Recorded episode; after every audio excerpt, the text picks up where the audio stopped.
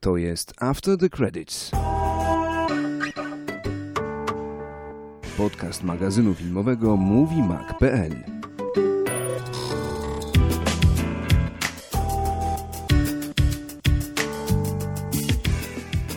Wojtek, a podobał Ci się film? Ale który? Nie, to pytanie za mną chodzi od kiedy zaczęliśmy nagrywać podcast i od kiedy e, wyraziliśmy jakieś swoje obawy e, już na, na odcinku zerowym, że, że w, no w tym roku czekamy gdzieś na, na Jurassic World Mhm. i, i czekałem, żeby Ci je zadać, ale to chyba jeszcze za wcześnie na, na ujawnianie, czy Ci się Mhm. podobał. Mhm. Na, możemy... Zazwyczaj, zazwyczaj jak wychodzimy z kina, piszemy sobie od razu jakieś takie pierwsze nasze wrażenia, ale, ale tym razem postanowiłem nie, będzie, będzie embargo dostaniesz Jasne. do samego nagrania. Jasne, także nie dzieliliśmy się absolutnie, no poza, poza może jedną uwagą, Mhm. żadnymi wrażeniami, to będzie też dla nas, dla nas coś, coś yy, premierowego. No, wie, wiecie, pamiętacie ci, którzy słuchali wcześniejszych nagrań, mniej więcej jakie obaj mieliśmy oczekiwania i czego się mogliśmy, czego się spodziewaliśmy po filmie, jak się nastawialiśmy, więc no, no to wiecie, a, a reszta niech będzie niespodzianką. Witamy Was bardzo serdecznie, cześć Wojtek. Witam. E, to już trzeci odcinek specjalny. Trzeci, U. a, licząc odcinek o, o Marvelu, który był takim, można powiedzieć, no, mm, równoległym do tego o Avengersach, to, to nawet czwarty odcinek specjalny. Tym razem o o filmie mm, Colina Trevorowa, o filmie Jurassic World. Mm, zanim przejdziemy do filmu i zanim będziemy się nad nim pastwić, albo zachwycać, albo być może i to, i to, mm, to chcielibyśmy już tak y, gwoli tradycji troszkę powspominać sobie, jak to było kilka lat temu, właściwie to 22 lata temu. Mhm. Y, Wojtek, gdzie ty byłeś wtedy? Tu, tutaj byłeś, tam, nie chce mi się liczyć. Uff, No tam, Już, byłem. y, znaczy tam, czyli tu, gdzie teraz jesteś, tak? Tu gdzie teraz ty jesteś. A, w ten sposób, okej. Okej, czyli mia, mia, miałeś mniej więcej ten sam dostęp do który? 93, trzeci. tak? 93, No, no. no, no. Kino Kijów. Ty już dobiegałeś do pierwszej dziesiątki y, w swoje, swoje, swojego wieku Mhm. y, dziecięcego. Ja miałem lat wtedy 8. 93, 11 lat. Kurczę, to już prawie dorosły chłop. To nawet No. nie musiałeś mamy pytać chyba o, o zgodę, żeby iść na ten film. Co? Czy... Um, po fiasku z Time Cupem, z y, Jean-Claude'em, y, musiałem, bo nie dostałem się do kina, więc... A, okej, okej. Nie. W, w każdym razie, y, obaj byliśmy w kinie Kijów, to się, to się nie zmieniło. W Krakowie Mhm. wtedy nie było zbyt Mhm. wielu kin, a w zasadzie to było jedyne kino z odpowiedniej wielkości ekranem do Tak przeżywania y, takiego filmu. Y, Ja pamiętam, że przed Parkiem Jur- Jurajskim, y, wydaje mi się, że rok wcześniej byłem na Alladynie i to był taki pierwszy świadomy film, no ale to była bajka. Potem Uwolnić Orkę, to był taki drugi film kinowy. No ale to były takie popierdółki, tak? No, to nie da się ukryć, że Ju- Jurassic Park Spielberga to było pierwsze takie kwa, quasi dorosłe przeżycie w, w moim filmowym A. życiu. A Terminator? Nie, no absolutnie. Nie, nie, nie, to, to miałem, wtedy ileż? To był 91 chyba, tak? Mhm. Czy, mhm. czy drugi? Nie, to absolutnie nie. To, to, to, jest, to jest mój pierwszy taki, gdzie ja pamiętam, gdzie mogę sięgnąć pamięcią, gdzie, gdzie wcisnęło mnie w fotel i, Mhm. i, i miałem miękkie kolana jak wychodziłem.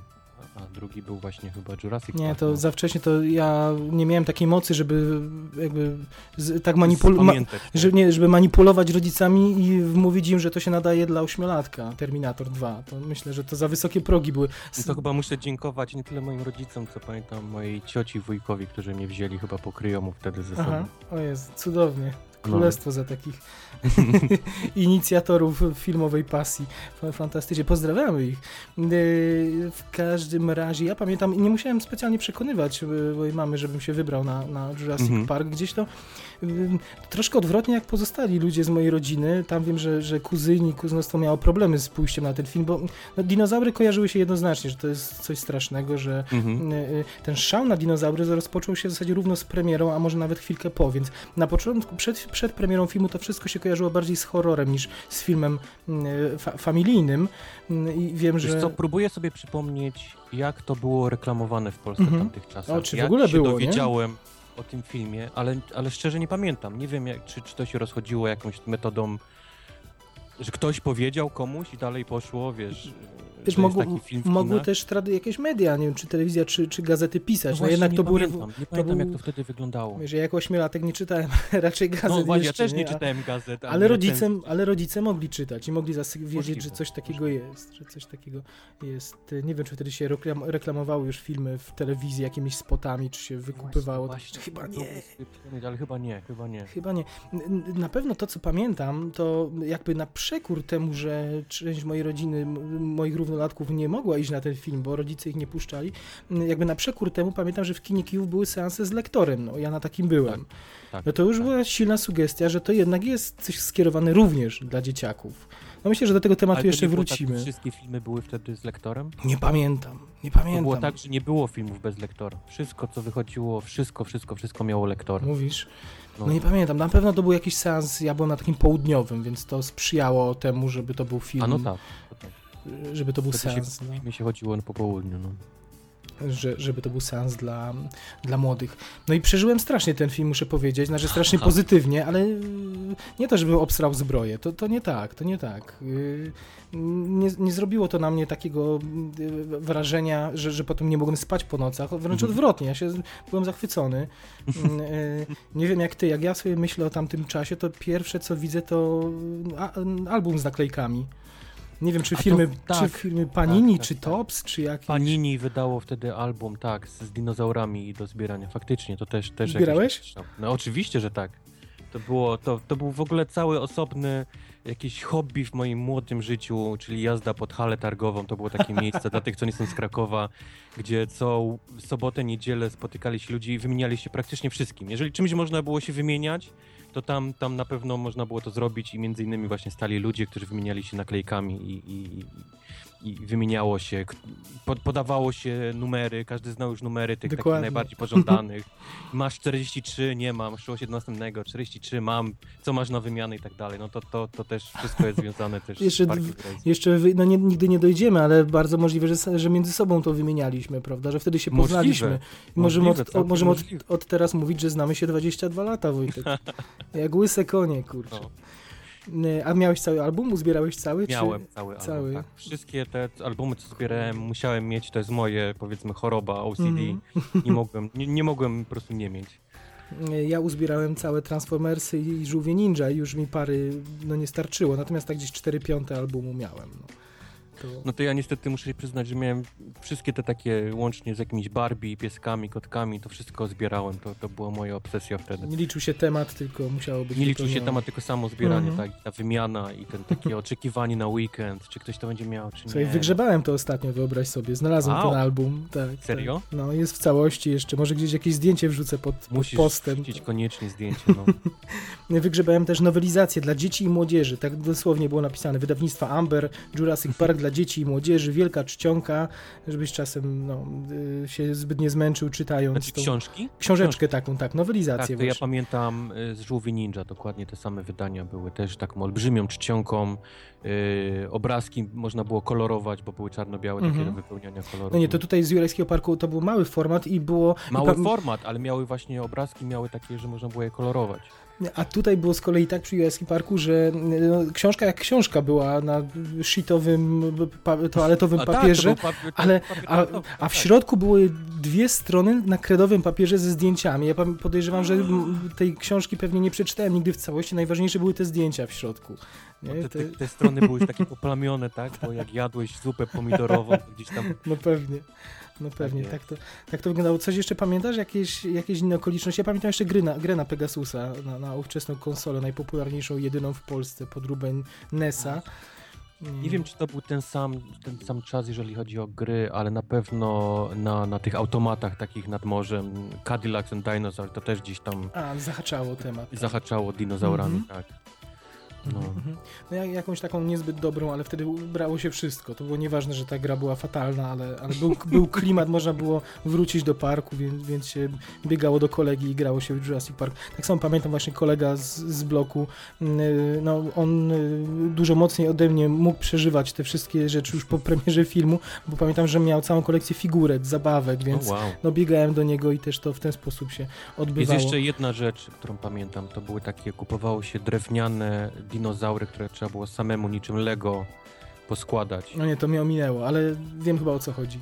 Pamiętasz? Pamiętasz? One później stały się kurzyły, ale jest takich jak powiedzmy jak patyczków po lodach. Z się- takiej się sklejki, tak? Takie Tak, tak, tak, się Mhm. składało takie całe dinozaury najróżniejsze, no to też pamiętam. No widzisz, no łapaliśmy się wszystkiego, żeby sobie Mhm. przedłużyć obcowanie z filmem. Mnie to się wydaje teraz takie oczywiste. Jak wychodzi Mhm. każdy duży film, to dostajesz wokół tego książki, gry, muzykę, Mhm. y, po to, żeby przeżywać film jeszcze przed jego premierą, żeby przeżywać film tygodnie po premierze, żeby utrzymywać jego zainteresowanie, żeby dzieciaki się wokół marki gromadziły. To jest absolutnie naturalne. I, I wtedy tak nie było. To był chyba pierwszy taki film po okresie komunizmu w Polsce, który, który nam umożliwił to, w, oczywiście o wiele mniejszym stopniu, ale jednak takie samo, tak, tak podobne przeżywanie. Pamiętam, miałem kasetę magnetofonową z muzyką. To był chyba Wow. pierwszy w ogóle film, który, w którym dostrzegłem jako już dzieciak muzykę, w którym te tematy zapadły w pamięć i sobie potem no, wałkowałem w kółko dzień w dzień tą, tą taśmę. No i oczywiście kaseta VHS z giełdy potem A, gdzieś tam to- też to się tak, musiała- Koniecznie. Musiała przewinąć, bo zanim ten film do domowi... Boże, zanim się w ogóle magnetowid pojawił w domu, to, to chyba jeszcze nie ten rok, tak mi się wydaje. Tak mi się wydaje. No i y, wtedy jako dzieciaki oczywiście nie zdawaliśmy sobie sprawy, jaka jest geneza tego filmu, Mhm. ale, ale może powiedzmy na początek, y, zaczęło się wszystko od, o Boże, miałem mówić od, od książki Michaela Cri- Crichtona, Crichtona, jak powiemy nazwisko tego pisarza. Crichton. Mhm. Miałem powiedzieć, że od książki jego się zaczęło, ale zaczęło się pewnie set, dziesiątki albo setki lat temu, bo ludzie od, od kiedy zaczęli gdzieś trafiać przez przypadek na kości dinozaurów, to zaczęli Mhm. fantazjować i pisać opowiadania na ten temat, historie wszelkie o nim, o smokach, o bestiach, to gdzieś jest pokłosie tego, że sobie wykopywaliśmy takie kawałki szkieletu. Natomiast kino jakoś nie miało szczęścia do, do, do tej tematyki i nie przypominam sobie, żeby był jakiś wartościowy film o dinozaurach y, przed Jurassic Park. Nie wiem, czy coś pamiętasz. Chyba nie, prawda? Nie, Nie, nie. nie Tutaj trzeba by nic. chyba raczej gdzieś tam spojrzeć na te King Kongi z, y, Racja. i, Mhm. i, i, i Godzilla powiedzmy, jeżeli chcielibyśmy być najbliżej takich Mhm. jakichś dinozaurów. Czy jakieś adaptacje Ju- Juliusza Werna książek Mhm, gdzieś tam, mhm, gdzieś mhm. dotykające bliżej lub, e, lub dalej. Ym, I Michael Crichton zmienił to, zmienił te, to postrzeganie tej tematyki przez kino, napisał e, książkę Jurassic Park, którą, którą Spielberg wziął na, na, na warsztat. Michael Crichton, który z wykształcenia jest lekarzem. On, Mhm. nie wiem, czy pamię, pamiętasz, czy słuchacze pamiętają, on wymyślił również ostry dyżur między innymi.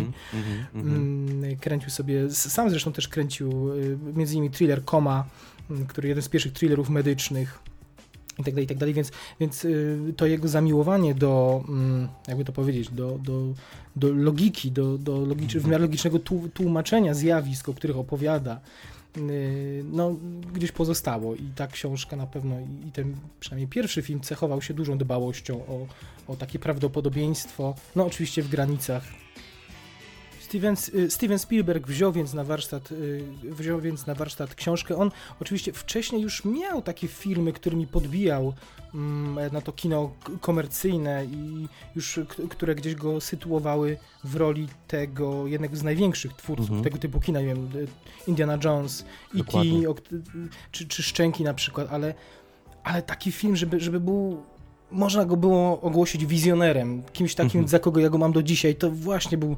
Jurassic, Jurassic Park. No i dodajmy tutaj między słowami, yy, że w tym samym roku on nakręcił w Polsce listę Schindlera. To też było Mhm. nie lada osiągnięcie, dwa takie filmy w ciągu jednego roku. On, pamiętam, siedząc yy, w, w Krakowie i kręcąc listę Schindlera wieczorami przez jakieś, nie wiem, telemosty, czy, czy przez telefon, whatever, montował Jurajski Park. To też ciekawe, że, że to się dało pogodzić, że zaufał specom od, z Industrial Light and Magic, którzy to mu tam gdzieś y, w Kalifornii rzeźbili, a on tutaj u nas w, w zimnej, brudnej Polsce Mm.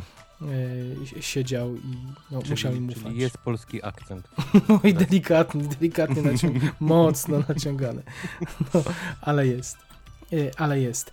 Y, y, Książki nie czytałem Michaela Crichtona, czy, tak jak mówię, zabierałem się tylko za nowelizację dla dzieci i młodzieży, więc nie Okej. wiem do końca, jak, jak bardzo jest to wierna materia, ta książkowa. Czy wiem o jednym detalu, ale o tym, o tym wspomnimy. Więc może, może yy, zanim przejdziemy w ogóle do yy, jakichś krótkich wspominek na temat yy, y, samego Jurassic Park, tego z 93 roku, ja wygrzebałem y, kilka ciekawostek mm, na temat z, z, produkcji, z okresu Mhm, produkcji. mhm, Y, mhm. Co nie jest taką łatwą y, rzeczą, bo wtedy nie kręcono jakichś y, obfitych making-offów i, y, i nie dokumentowano aż tak mocno, jak to się robi teraz, y, tego, co się działo na planie. Ale troszkę informacji się udało, udało wygrzebać. Y, No oczywiście Spielberg mówił, że pomysł na Jurajski Park przede wszystkim to była chęć spełnienia swojego marzenia o tym, że jako dziecko marzył o spotkaniu dinozaura, czyli chyba o tym wszystkim, o czym mm, Dokładnie. każde dziecko fantazjuje. Mhm. I być może, co było powodem, do tego też jeszcze wrócimy, tak olbrzymiego sukcesu frekwencyjnego tej nowej, najnowszej części, Mhm. czy tego, że, że... Ale do tego jeszcze wrócimy, tak. Więc oczywiście tutaj geneza jest jak najbardziej spełnienie marzenia Mm, y, i mm, kiedy zaczęli realizację tego filmu, na początku wszystko miało się opierać o klasyczne, o klasyczne modele ze studia Tak. Stana Winstona. Tak. Tam nie było mowy o, na początku o komputerze, tylko raczej miniatu- kręcenie na miniaturach albo na Mhm. tych modelach naturalnej wielkości, animatronika, y, animacja poklatkowa również, y, Mhm. która jest mocno niedoskonała, ale za bardzo alternatywy wtedy y, no, nie widzieli. Tak. I przytrafiło się tak, że w momencie już prac preprodukcyjnych, kiedy te modele powstawały, bo, bo Mhm. oni w studiu Stana Winstona zbudowali w zasadzie te wszystkie dinozaury, które miały wystąpić y, w filmie, one były No oczywiście... właśnie, to jest ciekawe, że oni już mieli wszystko gotowe, te, Mhm. te, te, te dinozaury, powiedzmy modele przygotowane. I wtedy co się stało? I wtedy zadzwonili specy z Industrial Light and Magic Mhm. I przysłali Spielbergowy film, Spielbergowi filmik. y, Chcielibyśmy coś ci pokazać. Na... Tak, To zrobiliśmy powiedzmy po godzinach, bo to nawet nie był jakiś ich taki projekt, Mhm. tylko, tylko kilka osób tam sobie przy tym dłubało.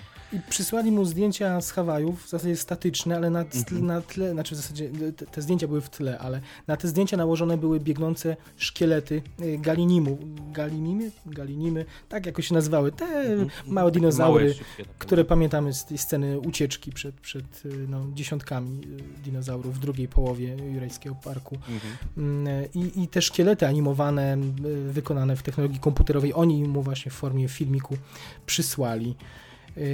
Spielberg mówi, że dzięki tej technologii oczywiście ten film całkowicie się zmienił Mhm. wobec tych planów, które mieli na początku i w pewnym sensie zmienił też świat, świat kina na pewno. Ten jeden filmik od Industrial Light and Magic to, to warto... No jednak inaczej kręci się z odnotować. modelami, które widzisz, a inaczej się kręci film z czymś, czego na razie nie ma, nie? Jasne, więc zmienił na dobre, ale i trochę też na złe, można by powiedzieć, Mhm. trochę też rozleniwił, ale to jest temat na, na osobne nagranie, myślę. No i y, ci ludzie z, y, ze studia Stana Winstona, oni określili 20 kwietnia 92 roku mianem Czarnego Poniedziałku, Aha. bo, bo właśnie wtedy ten filmik się pojawił i pojawiła się plotka, że cały film powstanie jednak cyfrowo i że oni zostaną bez pracy. Mhm. Mhm. Że oni powiedzieli, że nagle staliśmy się sami dinozaurami i wyginęliśmy, że tego się, tego się obawiano. Ale summa summarum no nie było tak tragicznie, bo osiągnięto gdzieś kompromis. No bo oczywiście doszli do tego, że nie da się absolutnie w części ujęć zastąpić dinozaurów y, prawdziwych y, komputerem, bo nie da to tak dobrego efektu, przynajmniej w tamtych Mhm. czasach i, i odwrotnie. W niektórych przypadkach y, no, trzeba skorzystać z komputera, bo na przykład nie wskoczysz takim modelem zbudowanym gdzieś w warsztacie na stół. Nie, nie, nie wrzucisz takiego nie, dynamicznie skaczącego raptora nagle Mhm. na stół kuchenny. I, I tam komputerem trzeba się było wspomóc. Yy, Ten pomost to był stelaż. Zbudowano właśnie stelaż metalowy, który wiernie oddawał ruchy, czyli- czyli generalnie szkielet. Szkielet Mhm, z metalu mhm, mhm. dinozaura w jakimś pomniejszeniu, który dinozaura może nie do końca przypominał, ale te wszystkie jego najważniejsze kończyny ruszały się naturalnie. On był sterowany mechanicznie, natomiast jego ruchy jeden do jednego były przynoszone y, również do komputera, czyli dwa w jednym trochę. I to taki był pomost gdzieś się... Czyli taki pierwszy motion capture, można powiedzieć. Tak, jasne, jasne. Trochę nieudolny i Mhm, na skróty, ale, ale faktycznie tak można, można to nazwać. Yy, Laura Dern opowiada, jak trudno było na planie nakręcić tą pierwszą scenę, kiedy oni pierwszy raz widzą yy, tego, tego wielkiego dinozaura, brachiozaura chyba, tak? Mhm. Yy, Ona mówi, że to, to jest jedno z ikonicznych, nie wiem czy się zgodzisz, ikonicznych ujęć tego całego filmu, jak myślę o Jurajskim Parku. To jest ten Oj, moment tak, właśnie. ta, ta, ta, taka jak oni siedzą w jeepie i zauważają, Mhm. tak? Jest Mhm. przeciągnięte to ujęcie, kiedy wszyscy patrzą w, najpierw w różnych kierunkach, potem obracają. Widzisz rozwarcie oczu i nagle zmienia się emocja na twarzy. A tak naprawdę oni musieli patrzeć na y, karton z y, znakiem X przyklejony do patyka i, i ktoś go trzymał. Mniej więcej tu będzie głowa tego dinozaura. Wow. No i tak musieli z siebie wykrzesać emocje w, w czymś takim. No i podejrzewam, że jak ogromne wrażenie musiało to robić potem finalnie. Notabene to ujęcie się dość mocno zestarzało. Ten, ten model dinozaura ukrywany w komputerze, tego brachiozaura, który jako pierwszy widzimy w filmie. Natomiast y, ja już teraz na, w tym momencie polecę wydanie na Blu-rayu filmu w wersji 3D. Y, mhm. Tylko i wyłącznie wersja 3D filmu została nie tak dawno odrestaurowana. Znaczy inaczej, to pewnie gdzieś tam zostało też wyczyszczone na potrzeby wydania sprzed 5 lat Blu-ray, ale na potrzeby yy, tego wydania 3D no oni poprawili dość mocno. Ten, wydaje mi się, że szczegółowość tych tekstur poprawili, dodali efekty pogodowe w niektórych miejscach, bardzo delikatnie, ale jednak jest różnica. Polecam tym bardziej, że 3D można sobie, nawet jak ktoś nie ma 3D, telewizora, czy, czy ma 3D, ale nie preferuje oglądania w 3D, to mhm. można spokojnie pilotem wyłączyć, wyłączyć, i oglądać tylko jedną płaszczyznę z tego trójwymiaru i, i w każdym razie tą płytę, tą płytę ze znaczkiem 3D, bo w tym wydaniu też jest płyta 2D, ale to jest stara ta, ta okay. wersja i, okay. i zresztą to można bardzo fajnie porównać, jak one się różnią i o ile bardziej zyskuje ten obraz 3D, ale to taka to taka mm, drobnostka. Nie wiem, czy pamiętasz y, ten pierwszy model prawdziwy. Nie wiem, czy pamiętasz, która to była scena w Jurassic Park. Yy, pierwszy model Pierwszy prawdziwy, który to był. No to podpowiem ci, że, że to był Triceratops. A pamiętasz w jakiej to było scenie? To był ten leżący, tak, tak chory, taki, tak, tak, tak, tak. Ten, który z tym do dziś zdjęcie Spielberga razem z nim pozującego mm -hmm, po internetach jako mem krąży, że tak, Spielberg tak, poluje tak. na zwierzęta. Jest... E, jeśli dobrze pamiętam. Tak, to był pierwszy model e, prawdziwy na planie, który oddychał, który miał pomarszczoną e, skórę. On był sterowany przez 8 osób jednocześnie.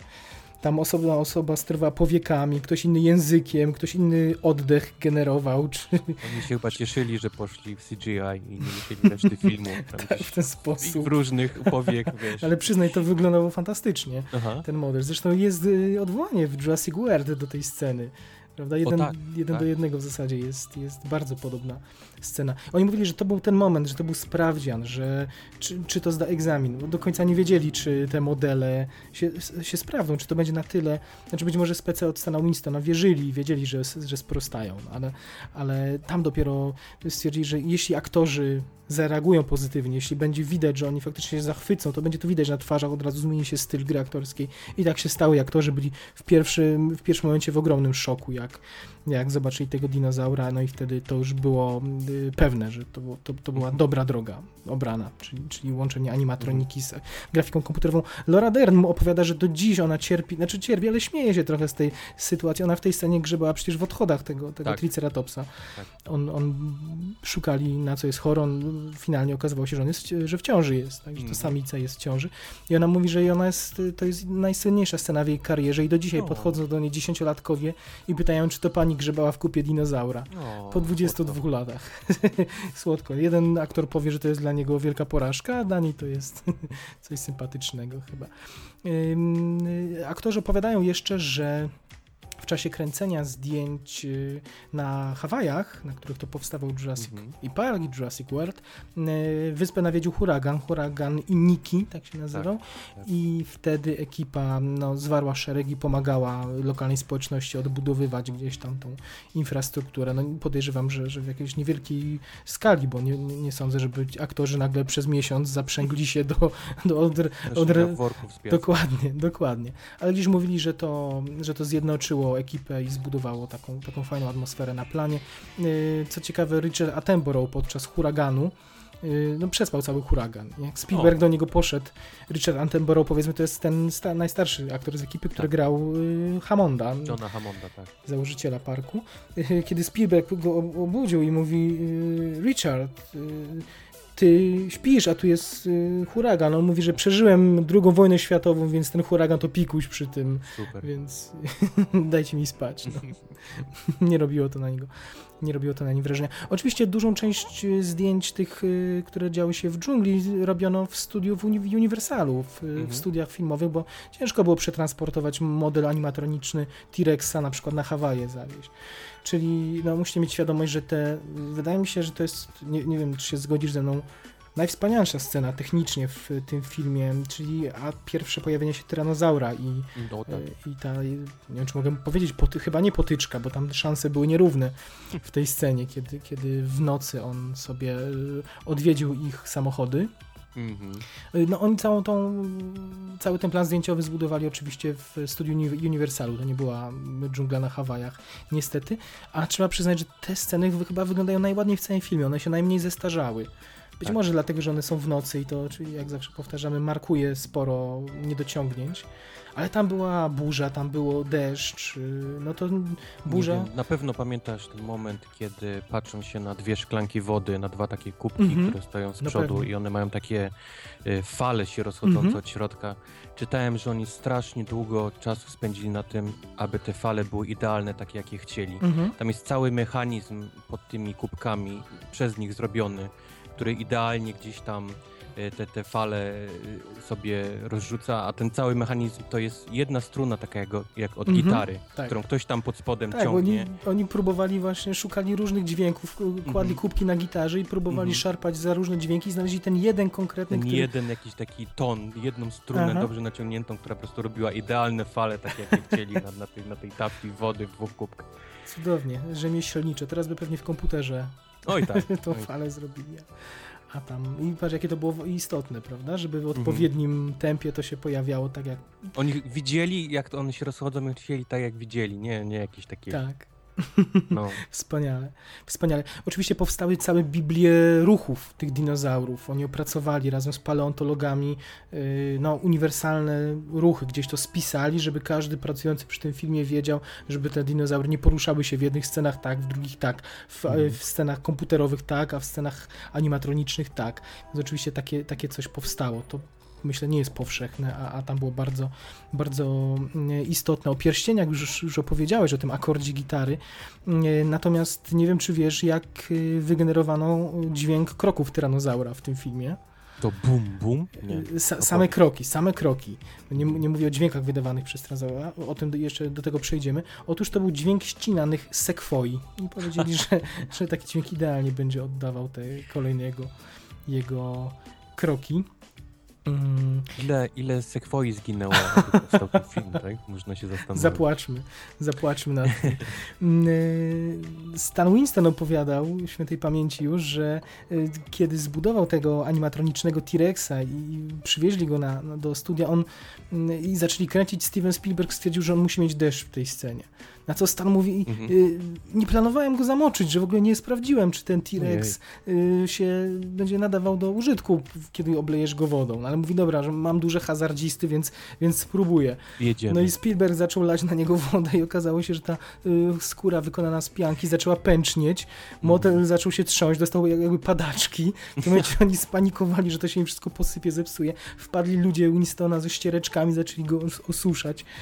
Y, Także nie wiem, jak sobie to finalnie poradzili, bo przecież w tej scenie deszczu jest co niemiara. Więc nie wiem, czy No, udało im się mhm. wszystko przed tą, tym, przed tą padaczką T-Rexa nakręcić, czy może wylewali tą wodę przed modelem, a tak, żeby jego nie zamoczyć. No nie wiem, do, tego, do takich szczegółów aż dogrzebać się nie udało. Tym niemniej, no trzeba powiedzieć, że na etapie już produkcji modeli nie zakładali, że w ogóle jakakolwiek woda będzie tam wylewana. To też trochę partyzancko wygląda, ale wyszło idealnie, przyznaj.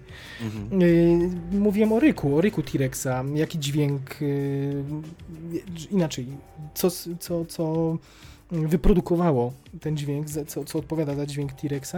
To jest kilka dźwięków, kilka dźwięków zwierząt w różnych tonacjach Mhm.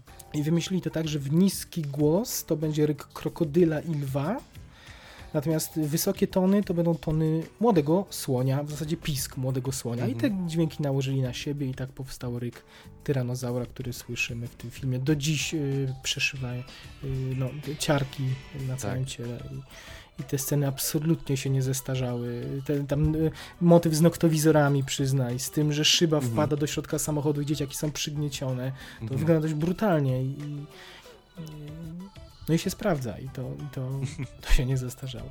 Absolutnie. Według scenariusza y, dr Malcolm, czyli bohater grany przez Jeffa Goldbluma, Mhm. y, znaczy inaczej, według książki on w ogóle ginął. Natomiast tam się okazało, że to chyba jest zbyt fajna postać, żeby ją uśmiercić już w połowie filmu.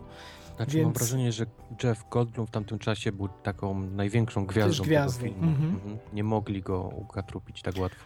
Natomiast on mówi, że y, sam Jeff Goldblum przyznaje, że on w dniu kręcenia tej sceny powiedział ej, a gdybym był bardziej bohaterski i, to, i odwrócił uwagę dinozaura, i to na jego prośbę przearanżowali w ogóle tą scenę, on odpalił racę i zaczął uciekać, zaczął y, gdzieś zmieniać Mhm. y, zainteresowanie tyranozaura w inną stronę i to finalnie nie Jeff Goldblum y, zginął, chociaż chyba taką wersję też nakręcili na planie, ale zginął prawnik, nie pomnę nazwiska, jaki aktor go grał, no, taka przezroczysta postać dosyć. Martin Ferrero się nazywał aktor, tak? A nie wiem, jak, jak się zapatrujesz na, w ogóle na tą scenę, bo ja potem przez lata ona ze mną została. To wydawało mi się, wydawało mi się, że to była taka najbrutalniejsza scena w tym filmie. To, że T-Rex zjadł go razem z wychodkiem, Z wychodkiem, tak. przegryzł go na pół, to gdzieś we mnie zostało na, na lata. No, Nie wiem, czy też tak miałeś. Czy... tak, bo to była pierwsza chyba taka, pierwsza w ogóle śmierć. No nie? śmierć tym w kinie, ten, w No, tym filmie, a no. dla mnie w ogóle w kinie, w telewizji No, pierwsza no, śmierć no. taka. Mm, No, tam krew popłynęła, chlapnęła na kamerę, zbrukała liście drzew. Ulala. No, nie, nie żadne tam kanapeczki, tylko. No. Wtedy się o wiele mniej, mniej obchodzono, mniej delikatnie z nami, z dzieciakami, a propos kina, ale to było, to jeszcze do tego wrócimy, to było, to było fajne. Nic nam się nie stało, jak widać, obejrzeliśmy tą śmierć Nie, nie dorośliśmy na całkiem normalnych ludzi. Ym, Taki nacisk na obecność raptorów w Jurassic Park to był y, w głównej mierze wymysł y, Michaela Crichtona, czyli właśnie twórcy książki. On bardzo nalegał, żeby te raptory, że to był dla niego jakiś taki symbol najbardziej inteligentnego rodzaju dinozaura. Ym, I to Trochę już mu zostało chyba do, przez całą serię. przez całą wydaje. serię. Mhm. To jemu się kojarzyło z delfinami te raptory, więc teraz jak będziecie oglądać film, to za każdym razem powinniście myślcie sobie o raptorach jako delfinach, że, Delfin, tak. że tak Crichton sobie to widział. Delfin Charlie, Delfin Delta, Delfin Blue. I a propos raptorów, scena w kuchni, scena finałowa w Jurassic Park. Mhm. Im bardzo zależało, żeby to było środowisko takie, może nie przyjazne dzieciom, bo dzieciaki w, tym, w tej scenie odgrywają najważniejszą rolę, yy, natomiast no, żeby to było im znane środowisko. Nie chcieli, żeby te dzieciaki ganiały się po dżungli, to zostawili Okej. dorosłym, natomiast tutaj było ważne dla nich, żeby, żeby to było mm, w, w takich okolicznościach mm, przyrody. Tamte raptory w dużej mierze były w kostiumach, to nie były efekty komputerowe, tylko animatronika. Te kostiumy były klaustrofobiczne, a aktorzy, którzy w nich siedzieli, mieli ekraniki w środku, także nawet nie mieli wizji, no nie mogli mieć wizjerów na oczy, bo wyglądaliby jak atrakcja z Disneylandu, więc w środku mieli monitor, a te przecież raptory przeraźliwie chude były, więc No, jak to ogarnęli, nie mam bladego pojęcia.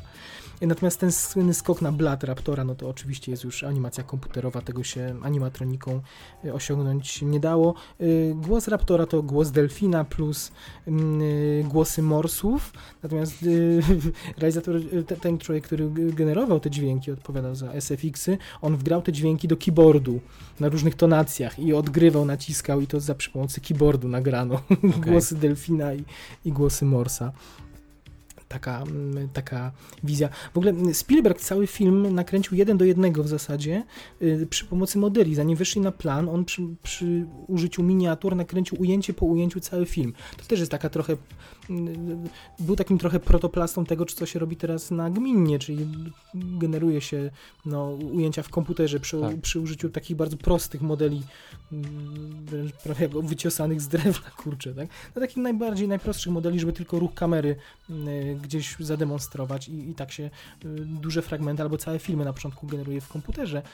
Y, I, I tutaj Spielberg był, był tego prekursorem, tylko troszkę inaczej, bo, bo nagrał to po prostu malutką kamerą przyczepioną do kijka i, i przestawiając te modele żmudnie i te zabawki. No, wygląda to niesamowicie, są, są gdzieś dostępne fragmenty, tego można zobaczyć. Y, Pewnie nie zachował się film w całości, ale to byłby świetny dodatek na Blu-rayu, myślę, dla ludzi szczególnie, którzy się making-offami interesują i tym, jak, jak to powstaje. Takie dziedzictwo małe. Bardzo fajna rzecz. I ta scena w kuchni, jeszcze wrócę do niej. Ona była bardzo trudna jeszcze z innego powodu. Tam wszystko było chromowane, zauważ.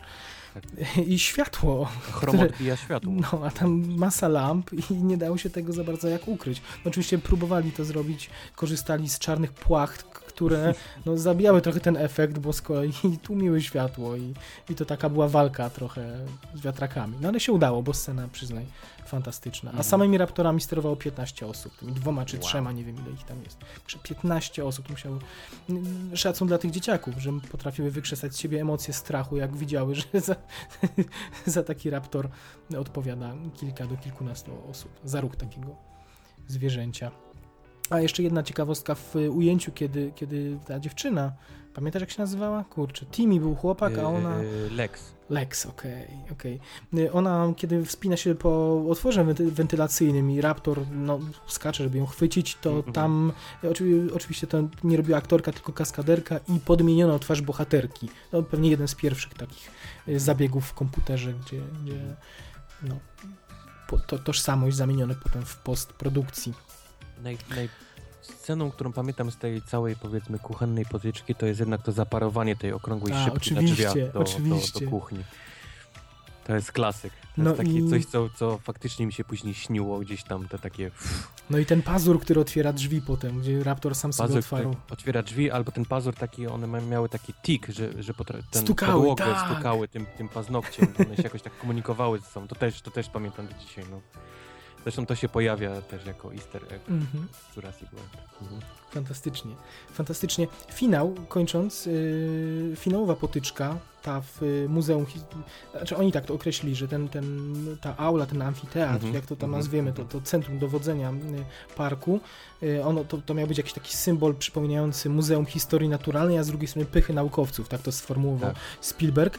I y, ciekawostka jest taka, że w, pewnym momencie na Timiego spada ten część szkieletu tyranozaura, Mhm. i to ujęcie było kręcone od tyłu. To znaczy jego najpierw przykryto kośćmi, a potem wyciągano je po prostu na wyciągarce do góry. I to jest odwinięte w filmie, odwrócone po prostu, więc on też dzieciak musiał nie robić jakichś gwałtownych ruchów, tak żeby w jego no, mimice i Mhm. gestykulacji nie było widać czegoś nienaturalnego. Także musiał krzyczeć od tyłu, żeby potem po odwinięciu to wyglądało naturalnie. Bardzo fajnie i najwidoczniej no, zdolny chłopak, skoro nie poległ na tym. Yy, I nawiasem mówiąc, dźwięk upadających kości to był z kolei odgłos kuli uderzającej o Taka, taka ciekawostka. Yy, Finał na początku miał wyglądać nieco inaczej. Pomysł był taki, że to yy, yy, raptory będą w finale i że to raptory zginą, próbując ich dorwać na tym szkielecie, że któryś raptor nabije się na część żeber, na którejś kości, że drugi raptor zostanie zgnieciony przez zęby tego, tego szkieletu tyranozaura. No natomiast oczywiście w trakcie już kręcenia scen stwierdzili, że przecież to tyranozaur jest największą gwiazdą tego filmu i że Z no królem.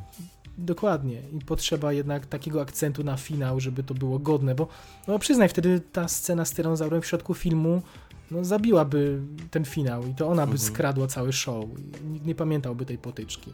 A tak wiemy, że, że w, ostatnich kadrach ten tyranozaur wpada, jest ryg jak, jak w King Kongu, on, A on pamiętasz, pamiętasz ten szyld taki, który tam wisiał? na Oczywiście, tym- oczywiście. Pamiętasz, tam pisało? Kiedy, kiedy na Ziemi panowały dinozaury. No, dinozaury, tak jest. No. Yy, No, nawiasem mówiąc, też piękne nawiązanie do tego Mhm. w Jurassic Mhm. World, ale to nie uprzedzajmy. Mm, Także ten tir- tyranozaur, musicie mieć świadomość, pojawił się w ostatniej chwili w finale i dobrze. Yy, Mhm. Natomiast Spielberg, to- współpracownicy Spielberga to o tym fajnie opowiadają, bo yy, Spielberg nagle jak wpadł na to, to dokładnie opisał, jak się ten tyranozaur tam pojawi. Powiedział, że nagle tu głowa się pojawi z lewej strony, chwyci tego raptora i tak dalej, i tak dalej. Tylko, że im nie o to chodziło, chodziło bardziej o to, że w jakiś logiczny sposób wytłumaczymy, że on tam zawędrował. I nad tym Sp- Spielberg doskonale sobie zaplanował, w którym miejscu kadru on się pojawi, natomiast kompletnie nie przewidział, jak wytłumaczyć w sposób logiczny. Ale chyba w końcu tym się nie, nie zaprzątali sobie głowy. Po prostu przyspacerował, być może za hałasem, być może Akurat za zapachem. był w okolicy. Był, był w okolicy, dokładnie.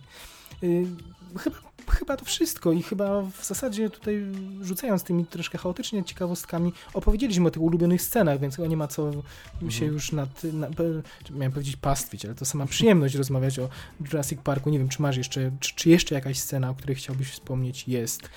Ej, Pamiętam scenę, gdy Ja mam jeszcze jedną. Mhm. odpalić generator w piwnicy i, i widzimy y, Samuela L. Jacksona, czyli, czyli, czyli Arnolda, który już nie jest żywy, ale, ale, ale ręka jego gdzieś tam się Okej. wysuwa na nią. Pamiętasz to? To tak, też pamiętam, że oczywiście. mnie strasznie zszokowało, bo, bo myślałem, o jest, pojawił się, żyje, a tu nagle sama ręka. To ja, to ja z kolei mam takie wspomnienie z tą sceną, że dostrzegłem już wtedy, chyba wtedy jako ośmioletek, na, na tyle na ile pamiętam, to jak ona, jak Laura Dern zaczęła robić dziwaczne miny wtedy. Znaczy podejrzewam, że ona się faktycznie przestraszyła, ale te miny były tak y, kuriozalne. Ja w życiu nie widziałem człowieka, który by się tak wykrzywiał dziwacznie, że, że gdzieś wtedy sobie pomyślałem, że, że nie wiem, czy to jest aż tak dobra rola, jak, jak mi się wydaje. Być może to była mój pierwszy krytyczna, moja pierwsza krytyczna refleksja. Twoja Jako- pierwsza recenzja filmu. Tak, jako ośmiolatka, tak. Bum. Ale może, może przesadzam. Ja y, jeszcze ze scen, które mnie przeraziły, no nie, może, nie mogę nie wspomnieć o tej scenie, kiedy y, w lesie, y, przypomnij mi jak się nazywał ten człowiek, od którego wszystko się zaczęło. Ten naukowiec, który postanowił wykraść DNA dinozaurów i wywieźć w puszce pianki do golenia. Pamiętasz jak się nazywał? Ja nie pamiętam, szczerze przyznam. Jejku, to był ten grany przez Boba Pecka? Tak, o, o, o tym E, mówisz? taki grubiutki w hawajskiej koszuli. A nie, a to był um, Wayne Nine, czyli, czyli Denis, ale nie pamiętam. Denis, okej, Denis, Denis. tak, tak, tak, tak. No i on przecież finalnie zostaje też dorwany przez Aha, y, aha, dinozaura z takim kołnierzem rozwijanym. Tak, tak, tak, tak, plujący To było twarz. też przerażające. No gdzieś to pierwszy raz widziałem właśnie mm, coś takiego, że w ogóle coś takiego jest możliwe i efekt kwasu to była scena, kiedy ludzie raczej klaskali ten dla dinozaura. No tak, no tak. Gdzieś tam wykradł ciała, to go dopadły, to co wiesz. To co No racja, no racja. A u mnie ja się gdzieś, to moje lęki pozostały Bo, przy bo tym. Bob Peck grał takiego, powiedzmy, jakiegoś tropiciela, takiego australijskiego Mhm. cwaniaczka, który gdzieś tam próbował na te, na te e, raptory gdzieś zapolować, ale to one zapolowały na niego i to No takie tak. sławne hasło, coś tam, mądra dziewczynka, tak? Kiedy on mówi jego ostatnie słowa. To No tak. też pamiętam tą scenę. No. Wspaniale. Zresztą y, jest też ciekawostka a propos tego kremu do golenia, że też y, y, teraz pewnie sztab designerów zastanawiałby się, jak go zaprojektować, a tutaj nie. Ktoś poszedł po prostu do sklepu na Hawajach, znalazł krem, spodobała mu się nazwa krem Barbasol, tak się, tak się nazywał. I y, w scen- bo w scenariuszu było napisane, że krem, po prostu krem. Nikt sobie nie za- zadawał trudu, żeby go w jakikolwiek sposób opisać. No i na szczęście inżynierowie bardzo ładnie skonstruowali ten mechanizm w środku, y, który, który ten mechanizm do przechowywania fiolek z DNA, to się wszystko ładnie otwierało. Swoją drogą ciekawe, czy sprzedają to jako gadżet. Z chęcią bym taki krem Barbasol kupił.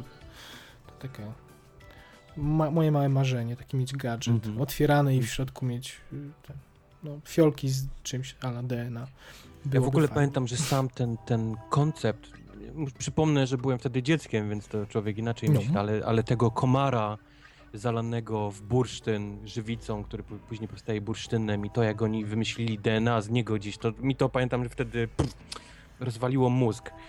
No, a myślę, absolutnie bezkrytycznie to łykaliśmy, tą, tą No. wiedzę, która tam była. No, zresztą oni sporo czasu poświęcili na wytłum... Ten, ten film się niespiesznie rozwijał i te filmy, które, filmy dokumentalne o tym, które oglądaliśmy w, w trakcie, i braliśmy udział w tej przejażdżce edukacyjnej z bohaterami, zanim zobaczyli pierwszego dinozaura. To trwało kilka, jak nie kilkanaście minut i, Mhm. i to było bardzo mało filmowe i ryzykowne, ale no chyba było konieczne, ponieważ nikt się nad tym nawet nie zastanawiał wcześniej. A tu nagle dostajesz film z takim ładunkiem teoretycznie możliwych rzeczy. Znaczy, film próbuje nam o tym udowodnić, czy tak jest. No, no, chyba nie dało się tego w inny sposób zrobić, żeby to było wiarygodne. A pierwsza scena, scena otwierająca film. Z yy, ugryzieniem, tak o tym mówisz? tak, gdzie, tak, tak, gdzie w, no, w, no, w nocy przywożą, tak, tak, tak. Mhm, mhm. Y, No też chyba takie samo wspomnienie, też przerażenie i, i zostało na lata ten obrazek wciąganego. że różne śmierci, bo i przy- Wspomnienie raz, a dwa teraz z perspektywy czasu y, i nowego filmu, jak się powinno zaczynać dobrze filmy o dinozaurach, a jak się nie powinno dobrze zaczynać filmy o, O, dinozaurach. pojawia się trop. To z chęcią mam, już mam kontrę. Tak, ale jeszcze zwrócę na koniec uwagę, że na, na to, że mieliśmy przeróżne w, ta, w tym filmie rodzaje śmierci. Znaczy było y, razem z wychodkiem przegryzienie na pół w takim razie, było wciągnięcie do klatki y, i przez tajemnicze coś i było oplucie kwasem. To jest naprawdę spora różnorodność, jak, na, jak na film familijny z lektorem do obejrzenia w południe, y, również przez dzieciaki. Tak. myślę, że to by teraz nie przeszło, co też na co wskazuje y, no, kategoria wiekowa Jurassic World, która i, i to, że, że film jest tylko z napisami, co dobitnie świadczy, że ten film jest no, nie przeszedł sita cenzury i jest skierowany raczej do odrobiny starszych. Ale myślę, że do tego, do tego jeszcze wrócimy. Y, tutaj ustaliliśmy z Wojtkiem wcześniej, nie ukrywam, że o sequelach nie będziemy się zbyt dużo Mm. wypowiadać, bo one no niestety są dużo, dużo bardziej no, są przeciętne, tak? Są bardzo słabe, bym nawet powiedział. Mm, Ja ten, ten y, The Lost World, czyli Zaginiony Świat Jurassic Park jeszcze lubię w miarę. A, Vince Vaughn. No, Właśnie, jako młody Vince Vaughn, osta- dopiero ostatnio jak sobie odwijałem, to, to go zauważyłem, bo przyznam No. szczerze, że do, do tego filmu latami nie wracałem i, i dopiero ostatnio zdałem sobie sprawę, że oprócz y, fatalnie uczesanej Julian Moore jest tam Julian Moore, no. Vince Vaughn, młody jako, jako reporter. Mm, Ten film jest dziwny, on, on, ta jego struktura, w zasadzie taka bez wiodącej historii, czyli pojawia, w, w, z głównych bohaterów wraca tylko Jeff Goldblum, który musi jechać znowu na, okazuje się, że jest druga wyspa, na której dinozaury żyją na wolności, bo tam były rozmra, rozmnaża, rozmrażane, rozmnażane i że on tam musi pojechać, tylko zrobić zdjęcia, jakiś research, ale okazuje się, że brat Hammonda ma inne plany i chcą te tak. dinozaury przywieźć. I to w zasadzie chyba tyle, tak? I opowiedzieliśmy cały film. Jest taka mocno, znaczy stawia na konkretne, bardzo długie sekwencje, które same w sobie niektóre są emocjonujące. Natomiast to się nie klei w jedną historię, czy słabo się klei. To, to nie jest zajmujące, bo to są po prostu takie epizody, jedne lepsze, drugie gorsze. Fajna scena na klifie, z, kiedy te, te dwa tyranozaury atakują ich te wozy badawcze, kiedy, kiedy oni zwisają tym wozem. Ta scena, tak, taka, gdzie on przelatuje powiedzmy przez cały ten, ten pamiętasz, to na linię? Na, tak, tak, tak, gdzie kiedy No. potem cały samochód spada Mhm, i tak mija, mhm, mhm. a oni przez, przez środek tych, tych furgonów uwieszeni na linię gdzieś tam cudem nie zahaczając o, o żaden element wystroju samochodów przeżywają. To było, to było fajne. Bardzo dobry, ten fi- film w ogóle miał dwa finały. Znaczy bardzo dobra ta ostatnia potyczka, chyba z Raptorami właśnie, też w jakiejś takiej, czy to była baza, czy to był właśnie już opuszczony, nie, to musiał, to nie mógł być opuszczony z pierwszej części ośrodek, bo to była inna wyspa, ale taka opuszczona baza, bardzo fajna choreografia tam była, walki z Raptorami, to było ciekawe. No i ten najbardziej kontrowersyjny aspekt, czyli finał, ostatnie 20 minut, kiedy tyranozaur dopływa do San Diego, y, gdzie chcą... San Diego, faktycznie, teraz przypomniałem to. To no. było strasznie kontrowersyjne, znaczy nikt się tego nie spodziewał i z jednej strony to był śmiały pomysł, a z drugiej zabrakło środków, bo ten spacer po ulicach był bardzo ubogi, no nie, nie było Mhm. pieniędzy, żeby to pokazać w sposób spektakularny. Na tym tle to trochę mi było przykro, bo widać było, że chyba zbudowali ten taki zalążek Jurajskiego Parku w San Diego, taką jedną arenę, ale tak naprawdę były tak, dwa, tak, dwa, tak, tak, tak. dwa ujęcia, jedno z helikoptera i jedno w bliskim planie. Nie wykorzystano zupełnie potencjału tej, tego miejsca, ale to chyba przez to, że po prostu tego dinozaura biednego nie dało się, znaczy czy nie mieli czasu, czy środków, czy, czy na, na szastanie nim w no, okolicznościach przyrody miejskich, bym powiedział. Więc to tak trochę takie było, prawda, on przyjechał do San Diego chcieli 10 taki, minut to i... bardzo King Kongiem pachniało, Mhm. jak oni przywożą King Konga do Nowego Jorku i ten, ale to całkiem mi nie wyszło, pamiętam te, te, te sceny. Mhm, mhm. Tak, to, to bezpośrednio odwołanie do King, Kong, do King Konga jak najbardziej. Y, I ostatni film z 2001 roku, Jurassic Park 3, kompletna porażka moim zdaniem. Oj, oj, to Prawda? było straszne, no. Tym bardziej smutne, że sam Neil powrócił w y, roli Alana Granta, doktora, Mhm. czyli główny bohater pierwszego jurajskiego parku. Yy, Ale film był fatalny z kilku powodów. On w ogóle już czas trwania jego, czyli 80 parę minut chyba. To już wskazywało, że to jest zlepek po prostu, byle tylko ukleić pełny metraż i wrzucić do, do kin, przepraszam. Yy, Do tego stopnia to była desperacja, że tam użyto w ogóle części pomysłów z pierwszej części niewykorzystanych, czy nawet ujęć niewykorzystanych z pierwszej części. Mhm.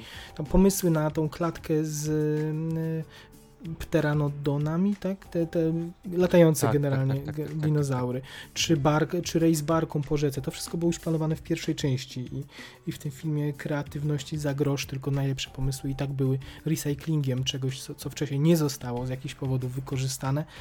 Y, No powiedzmy tylko króciutko fabuła opowiadała o tym, że dziecko bogatego małżeństwa zaginęło latając Mhm. na paralotni w okolicy no, wyspy z, z poprzednich części i No i Alan Grant zostaje wkręcony w intrygę. Najpierw y, mówią mu, że, że poleci tylko na rekonesans, na, na Mhm. zwiedzanie, a już na miejscu dowiaduje się, że to jest ekspedycja na własną rękę, trochę ratunkowa. No i w zasadzie tyle. I nie ma tam zbyt wiele dobrego. Do tego to był taki czas, 2001 rok, przyznaj, to jest premiera Harry'ego Pottera, to jest premiera Władcy Pierścieni, Shrek, co innego się oglądało. No, Jasne. To, już, już gdzieś było zmęczenie i Z zmęczenie. filmem mam najgorsze jednak wspomnienia. Znaczy w sensie podobał mi się najmniej z wszystkich Mhm. części. Zdecydowanie, z wszystkich czterech części. Mhm. Nawet powrót i, i, i, doktora Lana Granta i, i nawet tam chyba Laura Dern, Przez pamiętam, chwilę, przez chwilę mhm. się pojawia też. Tia Leoni, którą wtedy kochałem, teraz już trochę mniej. Mimo tych wszystkich rzeczy, to był tak słaby film. Jasne. Także spuśćmy zasłony milczenia i nie mówmy już o nim i przejdźmy do, do głównego bohatera tego yy, odcinka specjalnego. Ale zanim dowiemy się, jak bardzo Wojtkowi się film nie podobał, albo się podobał, albo się podobał z zastrzeżeniami, to też króciutko mamy dla Was kilka ciekawostek y, o filmie będą później, ale też y, z jego produkcji, ponieważ y, droga do tego, do tej finalnej wizji Jurassic World, jaką oglądamy, też nie była aż taka no, prosta i klarowna. Obsiana różami. Nie wiem, czy pamiętasz, ja dopiero czytając o tym nie tak dawno sobie przypomniałem, że faktycznie był już w, w 2007 roku pomysł na film, Mhm, o tym media mhm. donosiły, że Tak. ym, powstał scenariusz, który opowiadał o tym, miał taki pomysł na dinozaury, że oto raptory miałyby być na usługach ludzi, miałyby polować na narkotykowych baronów. Gdzieś pewnie w tunelach w Meksyku, czy gdzieś po, przy granicy. No, Niestety, ale pamiętam też, że czytałem. to było, ja się łapałem, mimo ukochania dla marki, to ja, ja pamiętam swoją reakcję, łapałem się za głowę i modliłem się, żeby to w takiej wersji się nie pojawiło. No i na szczęście się, się nie pojawiło. E, Spielberg, kiedy zobaczył film e, e, Trevorowa, reżysera Jurassic World, czy film Safety Not Guaranteed, dodajmy, to jest jedyny film, jaki Colin Trevorow, nie najmłodszy już reżyser, 38-letni zrobił, to, to był jego debiut. E, Spielberg obejrzał ten film i się zakochał i to stąd wynika y, w ogóle powierzenie temu, no bądź co bądź niedoświadczonemu reżyserowi y, tak ogromnego budżetu i takiego filmu. Czysto, że jesteś Spielbergiem, masz taką, jesteś szefem wytwórni Amblin, masz pieniądze, możesz mieć taki kaprys, żeby zatrudnić kogoś, kto zrobił znakomity film, znakomity film za, za 3 czwarte miliona dolarów i po, po, powierzasz mu potem dwustukrotność tego, żeby zrobił Jurajski Park. Natomiast y, z Trevorowem nie była taka prosta sprawa, bo on po spotkaniu ze Spielbergiem i po przeczytaniu scenariusza powiedział, że, że on bardzo dziękuje, że jest zaszczycony propozycją, ale on nie zrobi tego filmu, bo dostał scenariusz właśnie o tych raptorach polujących na, na baronów narkotykowych. I mówi, że postawił jeden warunek, no, że ja zaproszę mojego współpracownika i my to napiszemy od nowa. Mm. Jezus, dzięki Bogu. Powiedzieć to takie coś Spielbergowi w twarz, to też była odwaga, przyznaj. Mhm. I, i, i, I faktycznie tak się stało. Oni y, siedli sobie w, w hotelu na, na dwa, na trzy tygodnie i ten scenariusz powstał. Faktycznie w tak krótkim czasie. Gdzieś tam się musiało jednak przedrzeć te Kilka tygodni. elementy. tak, on powiedział, że, że chciał coś zachować, że chciał te Mhm. raptory tresowane przez ludzi zachować, że to był, Na, na nieszczęście tego filmu ostatnio. twoim zdaniem dodajmy, Okej. Tak, że, że ten te- temat chciał gdzieś kontynuować. Natomiast, że, że wpadło mu do głowy, ym, że, że w tym czasie oglądał dużo Animal Planet. I właśnie pomysły na ujarzmianie dzikich zwierząt, to, że ludzie faktycznie w tych y, obecnych dokumentach widzimy, że wkładają y, głowy w paszczę lwa, czy głowy w paszczę y, krokodyla, że to się stało Mhm. dużo mniej nieprawdopodobne niż jeszcze było te 22 lata temu. To, że faktycznie można by założyć, że jesteśmy w stanie próbować kontrolować naturę w jakiś sposób. No bo czym jest kręcenie dla Discovery Animal Planet czy National Geographic serialu, w którym tylko dla uciechy widzów, nie wiem, człowiek będzie zjedzony przez anakondę, tak jak Mhm. było ostatnio, czy, czy właśnie będzie igrał i, i, i wkładał głowę w paszczę yy, no, jakiegoś drapieżnika. Niewiele od tego dalej jest Chris Pratt próbujący wytresować raptory mające 60 milionów lat dziedzictwa. To mówię pół żartem trochę. No okej. Więc napisali scenariusz w dużej mierze mm, od nowa. Y, To, żeby w scenariuszu pojawił się park, żeby otworzyć ten park, który był planowany 22 lata wcześniej, y, to, żeby ludzie o tym tweeto- żeby tweetowali o triceratopsach, żeby wrzucali na Instagrama zdjęcia tyranozaura, z tego zaura, to był pomysł Spielberga akurat. Y, Colin Trevorrow wspomina jeszcze, że mail o zmianie tytułu, o zmianie tytułu z Jurassic Park 4 na Jurassic World, że mail do Spielberga w tym temacie to był jeden z najbardziej, on cytuje, ostrożnych e-maili, jakie w życiu wysłał. Tak to, tak to wyglądało, ale się udało najwidoczniej. No, przekonał go, że, że to ma być jakieś nowe otwarcie, ale z drugiej strony trochę reboot, a trochę quasi sequel jakiś. yy, No, myślę, że Soft reboot oni to Prawda? nazywają tak. no, myślę, że to dobra decyzja, prawda? Mhm, na, na mhm. zmiany tytułu i, i chyba Tak, dobra jak też, najbardziej. dobra też decyzja, że nie Znaczy, przetłumaczono go. zwłaszcza przez te dwa ostatnie filmy. Nie chcieli się jakoś Mhm. gdzieś tam, wiesz, od razu być, że o, czwórka, znowu będzie jak dwójka i trójka, tylko Mhm. widać, że chcieli gdzieś tam po cichu, wiecie, reboot, nowy tytuł, nowa, nowa jakość. No i fajnie, że mnie się podoba to, że nie przetłumaczyli tego tytułu na język polski. Znaczy, bo to Jurassic World to jest w sensie, że to- to jest nazwa atrakcji, a nie tego, że dinozaury ogarnęły cały świat, a to tytuł Świat Jurajski mógłby już jakoś sugerować, że, że, mm, no, że, że, skala się rozszerzyła. Natomiast to Mhm. jako nazwa atrakcji Jurassic World no, brzmi jak najbardziej no, idealnie, idealnie. Scenariusz, tak jak mówię, napisali w hotelu w kilka tygodni. To, y, jeden pisał go w ciągu dnia, drugi pisał w nocy, zmieniali się. Zmieniali, Ten asystent sobie ten pałeczkę. Trochę tak, że, wiesz, ten asystent Trevorowa, on, on, Trevorow nie ukrywał, że on był świetny w pisaniu ról dziecięcych na przykład, albo ról kobiecych. I to prawdopodobnie ten jego współpracownik odpowiada za... A, ale to za nie, był, tych- to nie był e, mężczyzna i kobieta? Nie pamiętam już nazwy. Nie, nie, nie, nie, pisali na pewno nie współscenarzystą. Być może na którymś etapie dos- dołączyli, wiesz, no to jest naturalna kolej rzeczy, potem dołączają kolejni y, ludzie, którzy poprawiają taki scenariusz, dialogiści, którzy poprawiają dialogi, no to wszystko się tam oczywiście rozgrywa, ale oni, oni odpowiadali za ten, za ten rys. No też nie wiadomo ile tam Spielberga w, finalnie. W każdym razie Spielberg, y, oni napisali scenariusz w kilka tygodni, to był chyba 2013 rok, i, I nie wiem, czy pamiętasz, premiera była w 2014, na 2014 rok ustanowiona. I jak Tak. Spielberg, y, to oni się bardzo pospieszyli z tym ogłoszeniem, jak Spielberg przeczytał scenariusz, powiedział fajnie, okej, podoba mi się, ale to wymaga jeszcze dopracowania i na szczęście dał im jeszcze rok więcej czasu na, na pracę nad tym Mhm. wszystkim.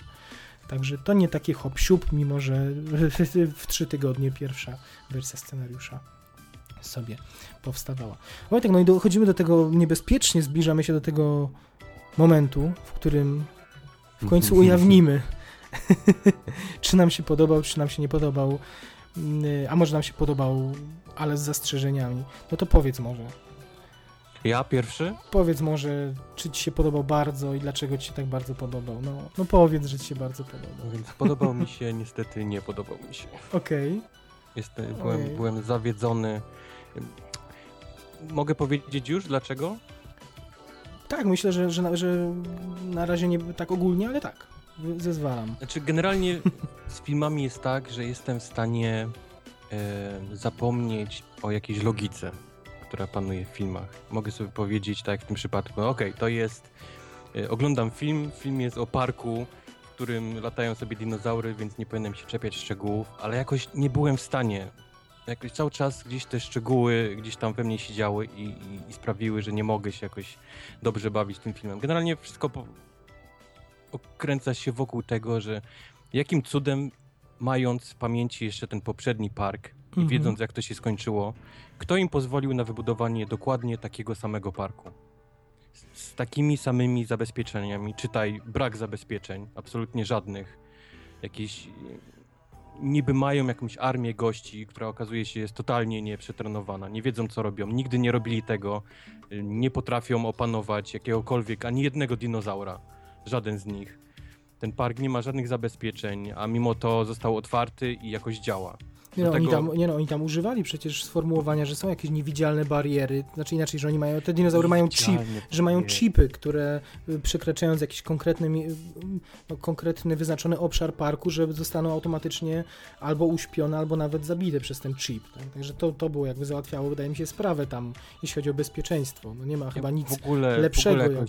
jakieś takie, wiesz, pełno drapieżnych, tych latających dinozaurów w jakiejś takiej szklanej kopu, kopule, która No też dobra, nie jest to, dobra, ale to już czekaj, to już No. wchodzimy w szczegóły, to już wchodzimy w takie No ale to właśnie ten których- film jest pełno, pełny takich szczegółów. Mógłbym je wymieniać i wymieniać i wymieniać, wiesz. I, i żaden z nich nie ma Mhm. sensu, absolutnie czyli- dla mnie żadnego. Ale czyli na wstępie, rozumiem, czy nie podobał ci się przez y, to, że sama wizja parku była dla ciebie tak nielogiczna, że przeszkadzała ci w dobrej zabawie, tak?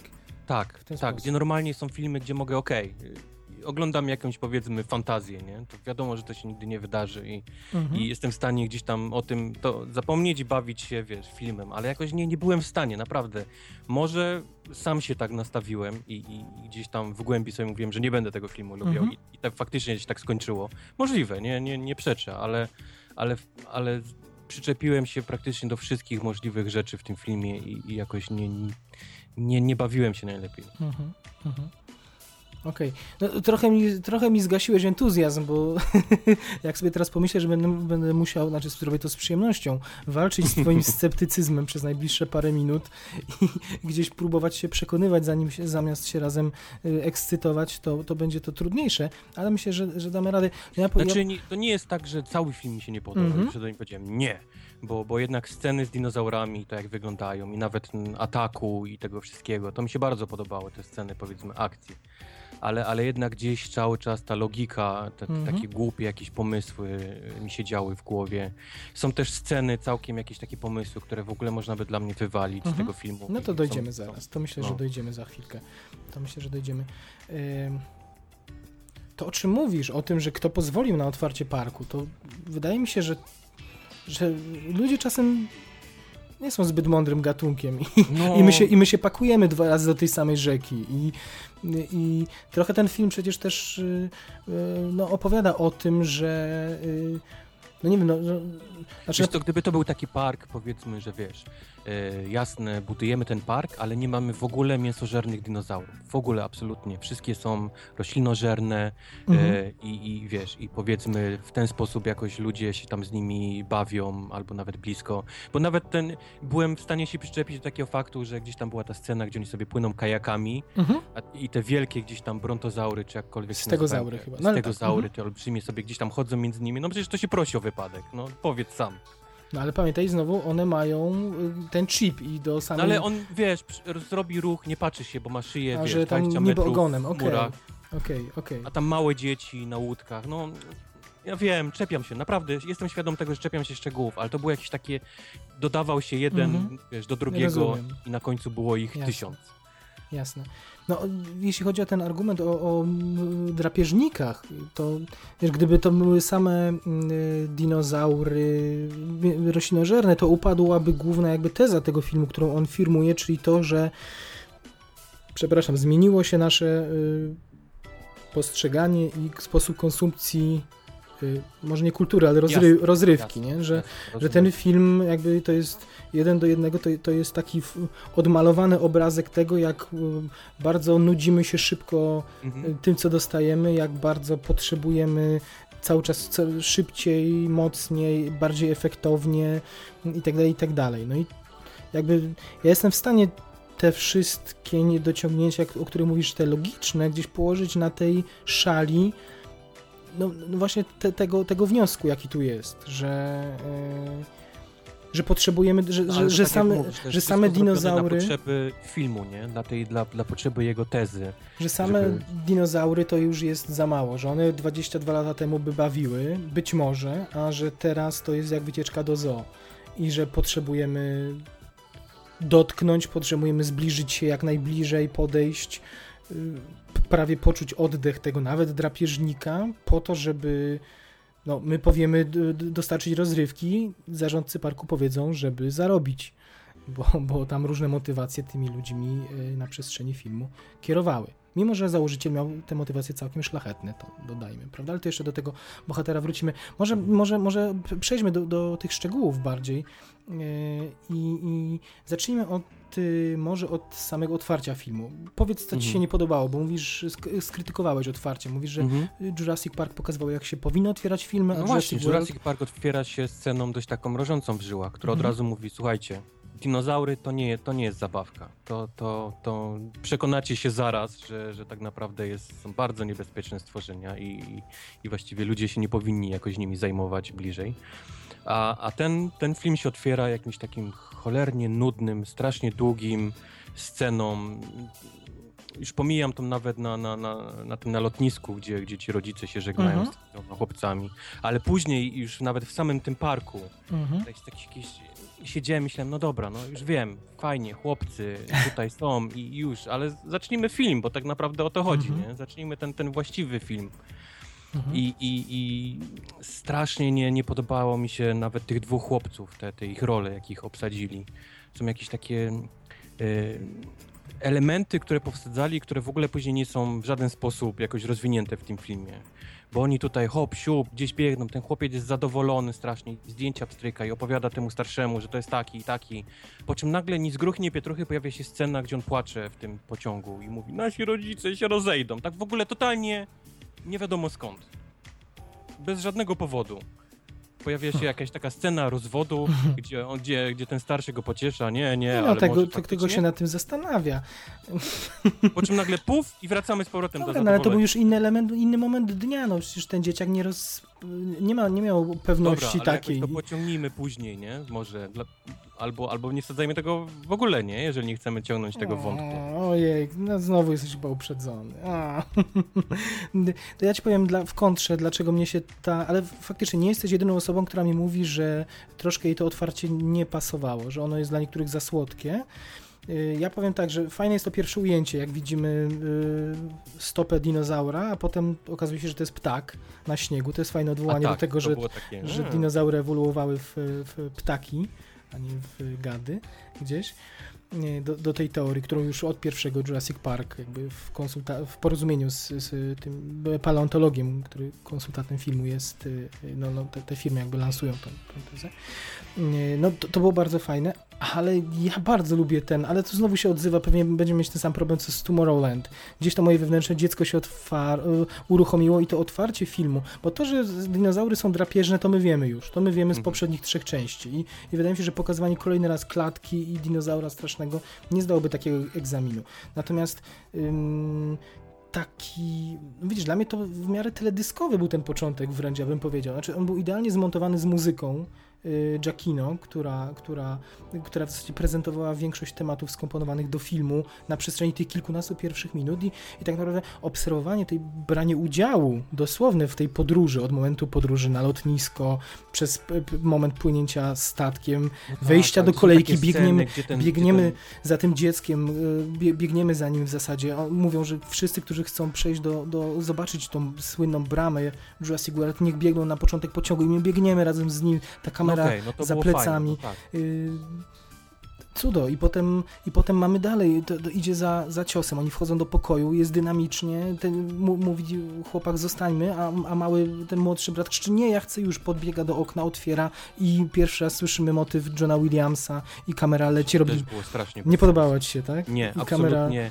Wybór tego kawałka gdzieś Mhm. nie widzieliśmy pół dinozaura. Pół. Był, był po prostu totalnym marnotrawstwem. Pokazali hotel basenowy i puścili naj, najlepszy Nie no, nie no był, przelot, kawałek. był przelot przez całe centrum parku. no, to no. taki park, ale generalnie od takiego basenu hotelowego na ten park tam. Wiesz, ale tam- pamiętaj, że ten temat to nie był temat że dinozaurów jakiś, tylko to był temat, on też w pierwszym filmie wybrzmiewał raczej w momencie, kiedy oni, nie wiem, lądowali helikopterem. To też był taki motyw przybycia do parku w zasadzie. Ten, Nie ten wiem, dla mnie to był muzyczny. taki, wiesz, jak, jak marsz imperialny. Nie można go puścić, wiesz, e, w Sokole Millennium, jak jedzą Mhm. obiad, tylko to musi być, jak No, ale wysiada on Vader, się, nie? Gdzieś. on się A oni go puścili właśnie tak, wiesz, no, mieliśmy, nie? Najlepszy nasz on się pojawił w- dla mnie. On się pojawił w pierwszym filmie w podobnym momencie, jak, ląd, jak, jak lecieli z tym helikopterem, no a tutaj dojechali do, do parku. Ale to mniejsza o to, to, to detal. Ale jeszcze no, wracając do tej pierwszej sceny, tam też było pełno jakichś takich wątków, gdzie ten chłopak ma dziewczynę, ale coś nie idzie, później gdzieś tam płyną na statku, jadą ten, on się cały czas rozgląda za jakąś laską. No już ci wytłumaczę, no chodzi... Nowsza mu Faktycznie wpada. nie wiemy, co się stało z tą dziewczyną, ale to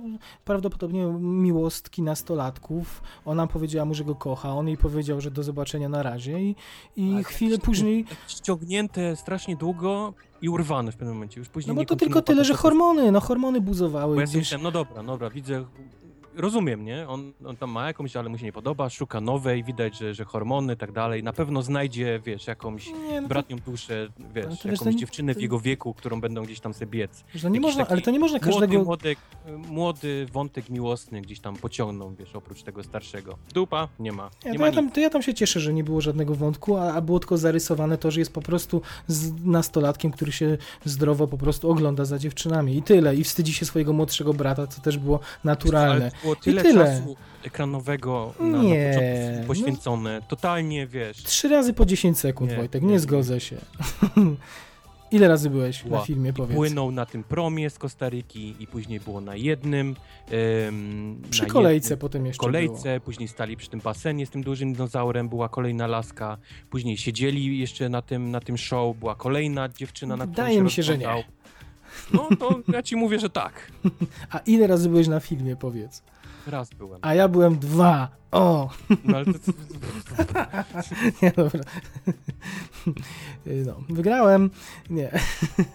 Y, Ale nie, mówię, tutaj się nie będę upierał, nie jestem jedyny, któremu nie pasuje ten początek. Mnie się podobał y, to, co się dalej dzieje, potem oni przecież wbiegają do tego centrum. Jest naprawdę, moim zdaniem, dużo bardziej dynamicznie niż w pierwszym filmie, Centrum, wytłumaczone wytłumaczone jakby zasady funkcjonowania parku, to i jak y, w miarę skomplikowane te meandry, jak, jak wygląda kwestia finansowania, ile osób o dziennie. matko, ten wielki pokój z tymi wszystkimi komputerami, gdzie pracują tylko dwie osoby, Y, Bardziej chodzi mi o z tezy. czego jeden jest szalony i ma rozłożone małe dinozaurki na, na tym. O to o tym No nie mów, że to też, nie mów, że on ci się nie podobał, ale, y, ale nie, bardziej mi chodzi o to, jak udało się im zgrabnie taką ilość informacji przekazać, bo potem już do tego nie wracają. Ty dostajesz na tacy w ciągu 10 minut w tym otwarciu pełne y, informacje na temat funkcjonowania parku. Ja wiem, ale to y- jest park, znowu to samo. Wielki park z groźnymi, najgroźniejszymi potworami na planecie Ziemi. I dwie osoby go ten obsługują tak naprawdę. Są tam jakieś osoby z przodu, nigdy nie pokazywane, ale tak naprawdę są dwie osoby, wiesz, obsługują cały No park. A jak się teraz, jest pełna, y, no... Elekt elektronika, mechanika i Tak. ludzi, się, ludzi się zatrudnia promil, tylko tych niezbędnych, resztę robi taką, komputer. Taką, wiesz, jak widzisz ten taki start y, jakiegoś promu O Jezu, kosmicznego, Wojtek, ale to są, tylko, to są tylko zwierzęta, a nie prom kosmiczny. Tylko Czep- zwierzęta i, i małe dzieci przy mięsożernych, wiesz, zwierzętach. Które są dobrze odseparowane od nich, jak pokazał film. y, No, po, Poza... poza, Jak pokazał, że są totalnie nieodseparowane. no, są poza jednym zwierzakiem, który sam sobie stwierdził, że zrobi y, innych w, w balona. No, ale to jeszcze, jeszcze wrócimy. Y, Nie wiem, myślę, czy coś jeszcze z tej sceny, sceny otwarcia. No nie, mnie się podobał. Mnie się podobała i, i te informacje, które były zwięzle przedstawione, żeby, żeby potem już nie wracać. Że, że, że, że, ten cały park, czyli ten Starbucks, jakieś takie sklepiki z koszulkami, to, to wyglądało jak faktycznie taki chamski amerykański park rozrywki. To, Mhm. to mi się podobało. to do tego jeszcze przejdziemy. za- I wiesz, sam ten taki tłum, to jak wyglądało ludzie się tam poruszający, to było bardzo realistycznie zrobione. To mi się Mhm. podobało. Dobra, y, nie pastwmy się już nad tym otwarciem, które jednym się podoba, drugim nie. Co było potem? Potem y, poznaliśmy Chrisa Prata i były sceny z raptorami. Tak kojarzę mniej więcej, że to była, to był Mhm. kolejny y, taki, taki segment. To była scena, bardzo długa scena, dodajmy, tego na początku poznania y, bo, bohatera. y, No, mogliśmy zobaczyć y, w nim w tej scenie czarny charakter, czyli Vincenta Donofrio, gdzieś tam przemykał, obserwując to, jak Chris Pratt sobie radzi z raptorami, które dostały własne imiona. No i tutaj się pojawił właśnie ten słynny wątek tej kontroli nad, nad tymi zwierzętami, nad naturą. I co by było, gdyby ludzie faktycznie spróbowali chociaż w jakimś zakresie panować nad tymi prehistorycznymi zwierzętami. To jest to, co mówiłem, że nie wycięli do końca z tego, z tego scenariusza. który No, rozumiem, że, rozumiem że, tobie to, się- że tobie się to bezwarunkowo nie podoba, tak? Nie, ten, ten motyw. nie, Nie, nie, chciałbyś nie, tego. Nie, nie, nie, Absolutnie, ten cały wątek kontrolowania Mhm. zwierząt powinien wylecieć. Widać, że jest jakoś tak włożony na siłę, ma, ma początek, ma, ma swój taki dziwny koniec nagle i tyle właściwie. No to ja powiem e, tak, że nie lubię. To, to była najmniej chyba lubiana przeze mnie scena w całym filmie, ale z czysto technicznych powodów. Znaczy ona mi się dłużyła jako jedyna w filmie. Ten, ten moment jak, właśnie. jak kocham Vincenta Donforio, tak, tak uważam, że jest najsłabszą postacią w tym całym filmie. Mhm. Tak. Nawet nie przez tą koszulę włożoną w gacie, gdzie nie powinien tego w życiu robić, bo to jest, wiesz, skandal, ale, ale, ale te takie jego, powiedzmy, ym, te monologi takie, które on prowadzi niczym taki czarny charakter w jakichś takich filmach, gdzie on, gdzie koniecznie zmusili go do przedstawienia jakiejś jego wizji, żeby pokazać go jako czarny Mhm. charakter, gdzie to później właściwie też nie jest w żaden sposób ciągnięte i, i Znaczy, absolutnie jest, jest nieinteresującym bohaterem, który ma, który tak naprawdę nie wiadomo, co tam robi, Mhm. y, dlatego że ma jakąś pozycję, ma jakąś plakietkę, wszyscy go znają, może wejść wszędzie, ale tak naprawdę nie ma żadnej władzy, bo wystarczy mu powiedzieć, żeby, że nie, nie będzie tak, jak ty mówisz i nie Tak. jest, a w pewnym momencie nagle się wszystko odmienia i nagle on może wejść i powiedzieć, spadajcie stąd, teraz Mało rządzę, tego, on robi desant wojskowy Mhm.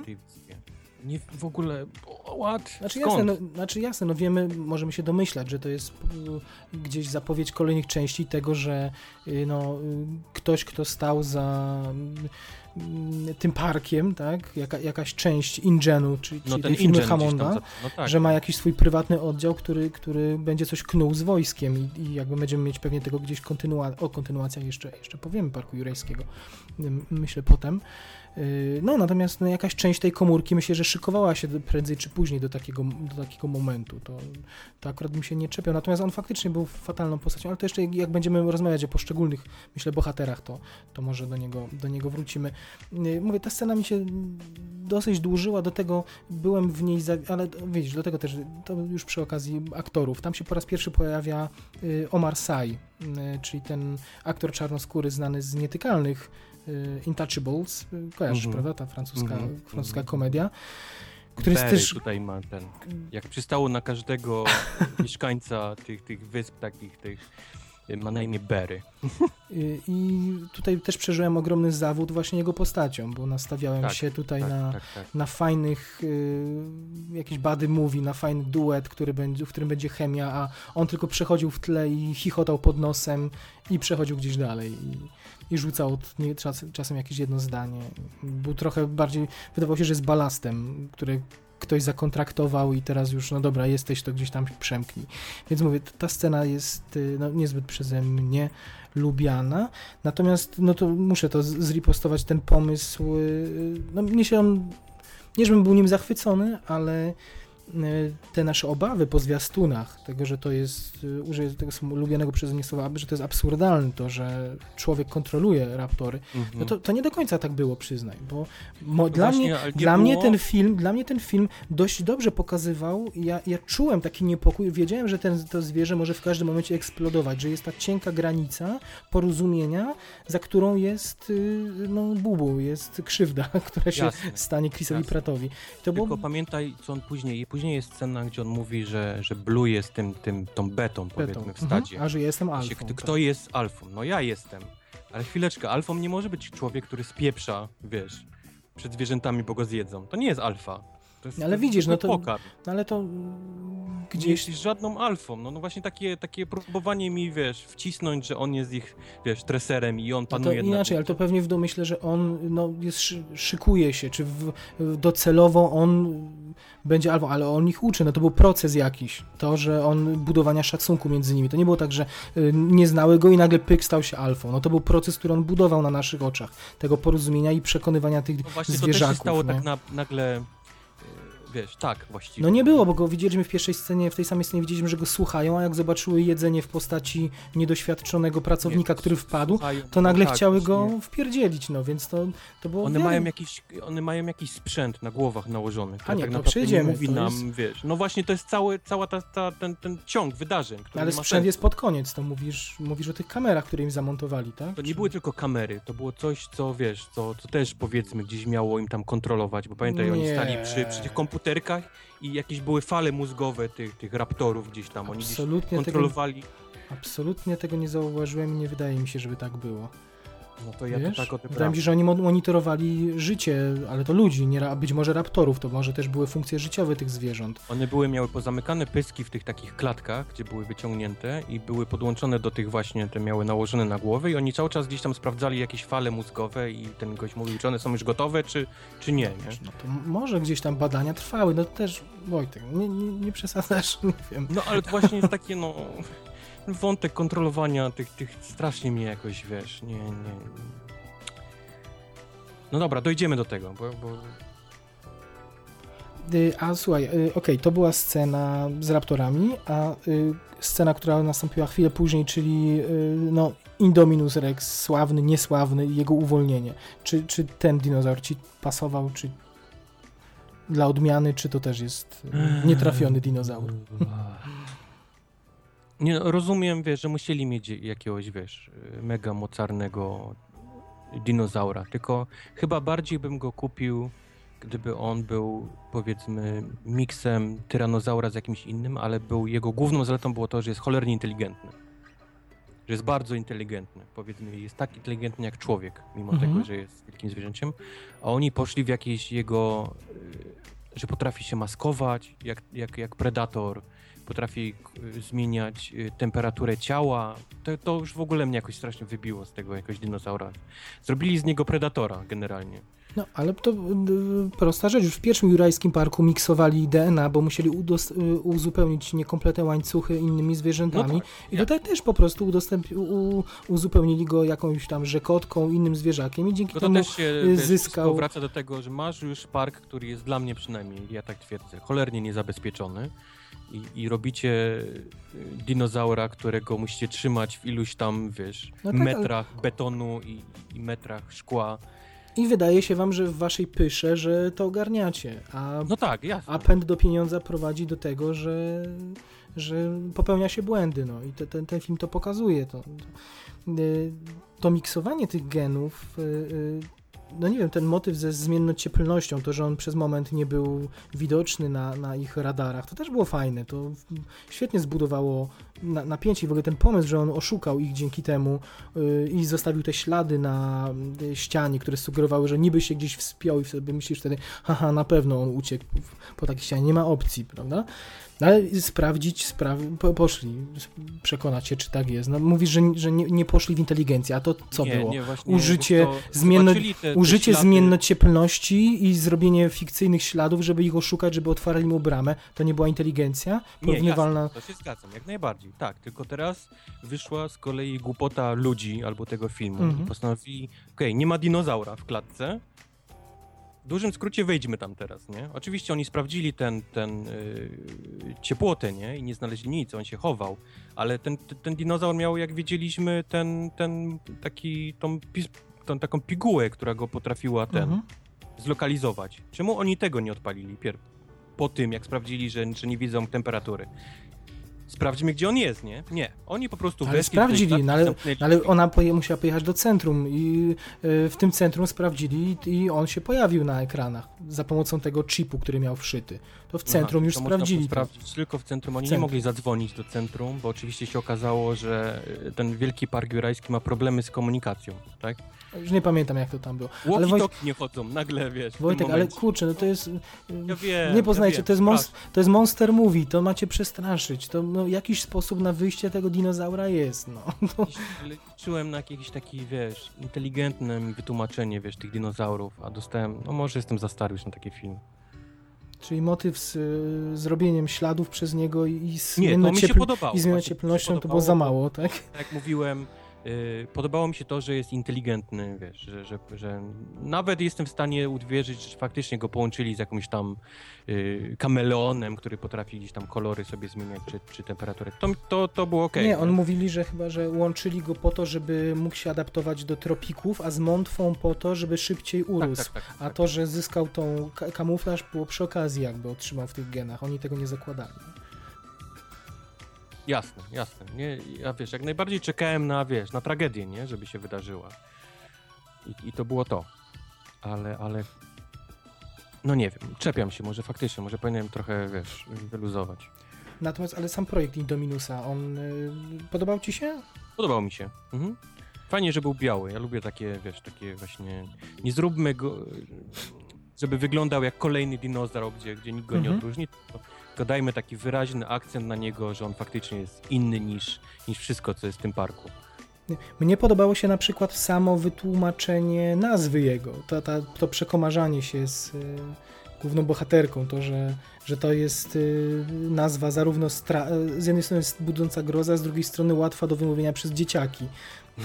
to było, to było też to takie sympatyczne. hasło ten, ten, już nie pamiętam jak on się nazywał, ten mm, postać grana przez Jake'a Johnsona, że dlaczego nie nazwiemy go Pepsi jakiś tam Zaurus, nie? Czy jakiś takie... Tak, jak bo w ogóle Jeszcze faktycznie myślę, pier... jak śmiecie śmiać się z, wiesz, product placementu, kiedy w waszym filmie po prostu wylewa się po, ale- ponad, wiesz... Ale to jest absolutnie o to chodzi. To Trevorow mówi, że to jest, y, to był zamierzony efekt. Znaczy to obrędowanie Tak? wszędobylskie, Wow. y, obrędowanie kolejek, To nazwanie może gdybym konkretnych, wiedział to przed filmem, to może by mnie tak nie, wiesz... Wiesz, nie, nie, nazwanie- Nie że jakby nazwanie konkretnych atrakcji nazwami, że to, że nawet to centrum się nazywa Samsung ma w nazwie, to, to centrum dowodzenia jakby tym wszystkim. I że I to to też tak, ten konsumpcjonizm. nasz, Tak, i że to wszystko jest potem niszczone przez naturę, czyli przez zwierzaki, że to było zamierzone. Bardzo chciałem, No mu okej, na to ale, zależało. ale scena, gdzie on spocony naprawia motocykl i, i pije taką schłodzoną tak. Coca-Colę z butelki, mogli sobie darować, jak Mhm. Boga kocham.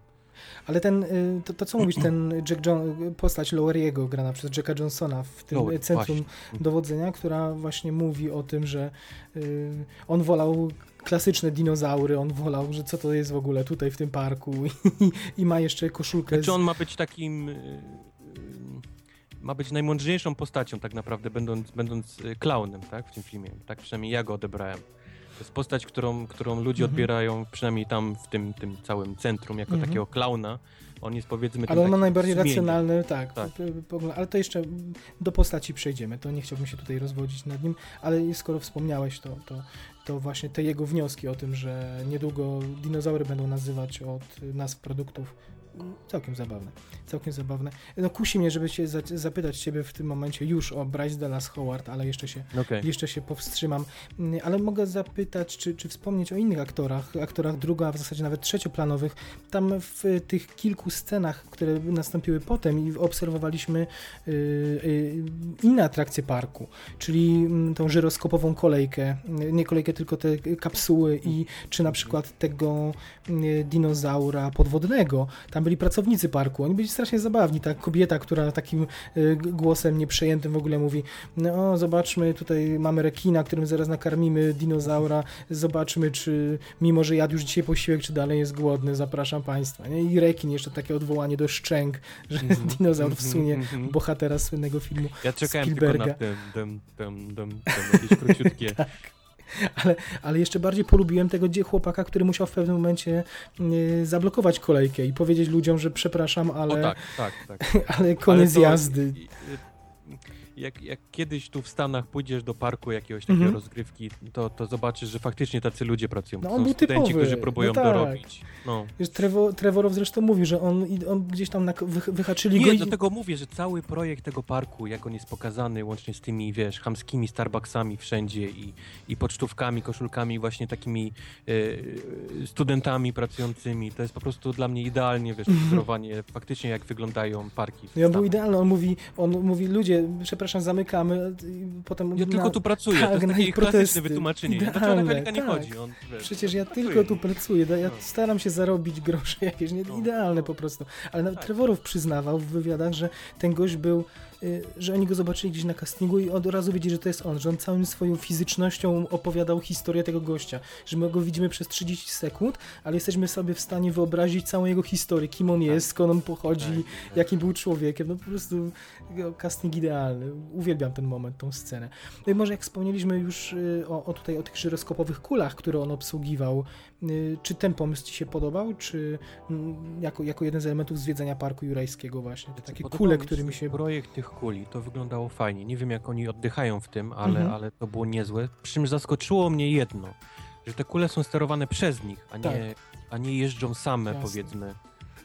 Po straszne- wytyczonej ścieżce. Straszna łatwowierność w mądrość No ludzi, że nie zaczną No. robić buby, prawda? Ale No, no to też musiało gdzieś na, na ołtarzu dramatyzmu polec, bo gdyby to one jeździły po szy- szynach, to nie dałoby się zrobić i pociągnąć fabuły tak, jak, jak ona, ona po, no, popłynęła sobie dalej, więc... Ale Jimmy Fallon jako a, lektor, tak opowiadający, też o, było niezłe, no. to, było, to było zaskoczenie. Widziałem takie memy w internecie dość zabawne, jak ta, co by się stało, gdyby ta kula wjechała w odchody dinozaura.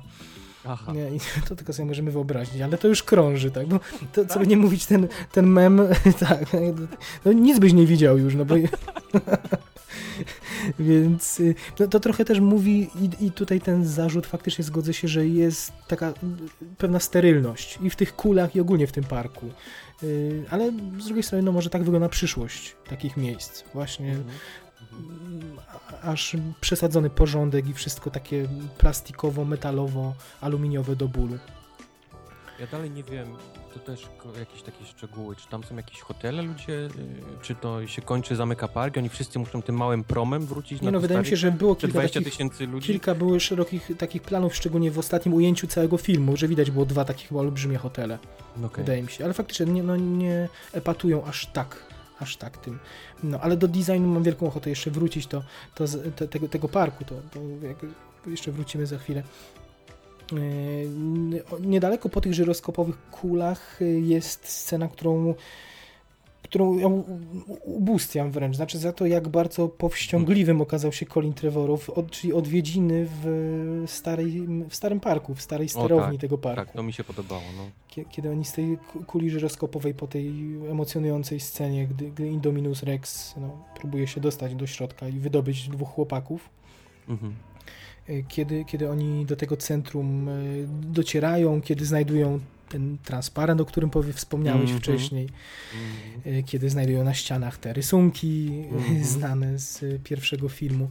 Tam można usłyszeć motyw muzyczny fantastyczny, który się Mhm. tylko i wyłącznie w tamtym jednym momencie w filmie pojawia. Jego nie ma niestety na soundtracku, ale jest cudownie... Noktowizor. Idealnie jest noktowizor, ale to jest takie wszystko nienachalne, wiesz, mogliby, mogliby Tak. tym rzucać przez cały film w zasadzie, mogliby, nie wiem, zmienić, y, samochody mogłyby być bardzo podobne do tego, ale nie, oni od, totalnie się odcięli od tego i gdzieś w środku lasu, nagle w środku filmu na moment znajdujesz pozostałości. To było bardzo smaczne i to było takie, że nie halo, popatrzcie, mamy prawa do marki, zarzucimy Mhm. was teraz i, i uderzymy w wasz sentyment i zarzucimy was po prostu tysiącem odwołań.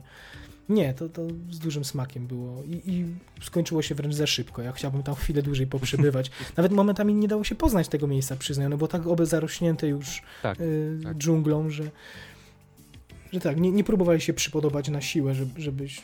Zdaj, umiem sobie wyobrazić, że ktoś nawet się nie zorientuje, że jest w takim miejscu, nawet ktoś to tak, może to, nie do to, końca to mi się pamięta. podobało. No, samo ten moment, kiedy oni podchodzą po te drzwi i już wiesz, że to są drzwi Mhm. do tego miejsca, bo, bo, bo oczywiście, że wiesz to myśląc, o kurde, fajnie, że, że tu jakoś to wrócili do Mhm. tego miejsca i wejdą zaraz. To, I widzisz, i na, szczęście, I na szczęście to, co wcześniej miałeś zarzut, nie wybrzmiewa tam żadna muzyka, żaden ten temat pompatyczny, tylko jest Mhm. bardzo taka liryczna, spokojna y, muzyka.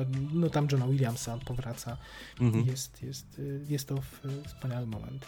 To cieszę się, że się zgadzamy tutaj. Nie, potem następuje troszkę zgrzyt y, to, że dzieciaki odpalają z łatwością Jeep, a Chris Pratt się zastanawia, jak No. uruchomić samochód. No. Ale może podwędzili mu jakieś kluczowe części, elementy, które, które mógł użyć do, do obsłużenia tego Jeepa Wranglera, tak? Bo to były Tak, te autentyczne tak, tak, Jeepy z, Tak, tak, tak. z, tamtego, z tamtego okresu. Potem zdaje się, nie, niewiele później mieliśmy ptaszarnię i tą yy, śmierć właściciela parku. W ogóle jak Ci się Mhm. podobał ten, ten pomysł na tą postać, żeby, żeby taki komediowy, nie, nie odcinała się za bardzo na tle dość poważnego monster movie jednak momentami. Właśnie mi się podobała, bo to był taki... Irfan widać- Khan chyba grał tego. tego. E, Tak, tak, tak. Irfan Khan.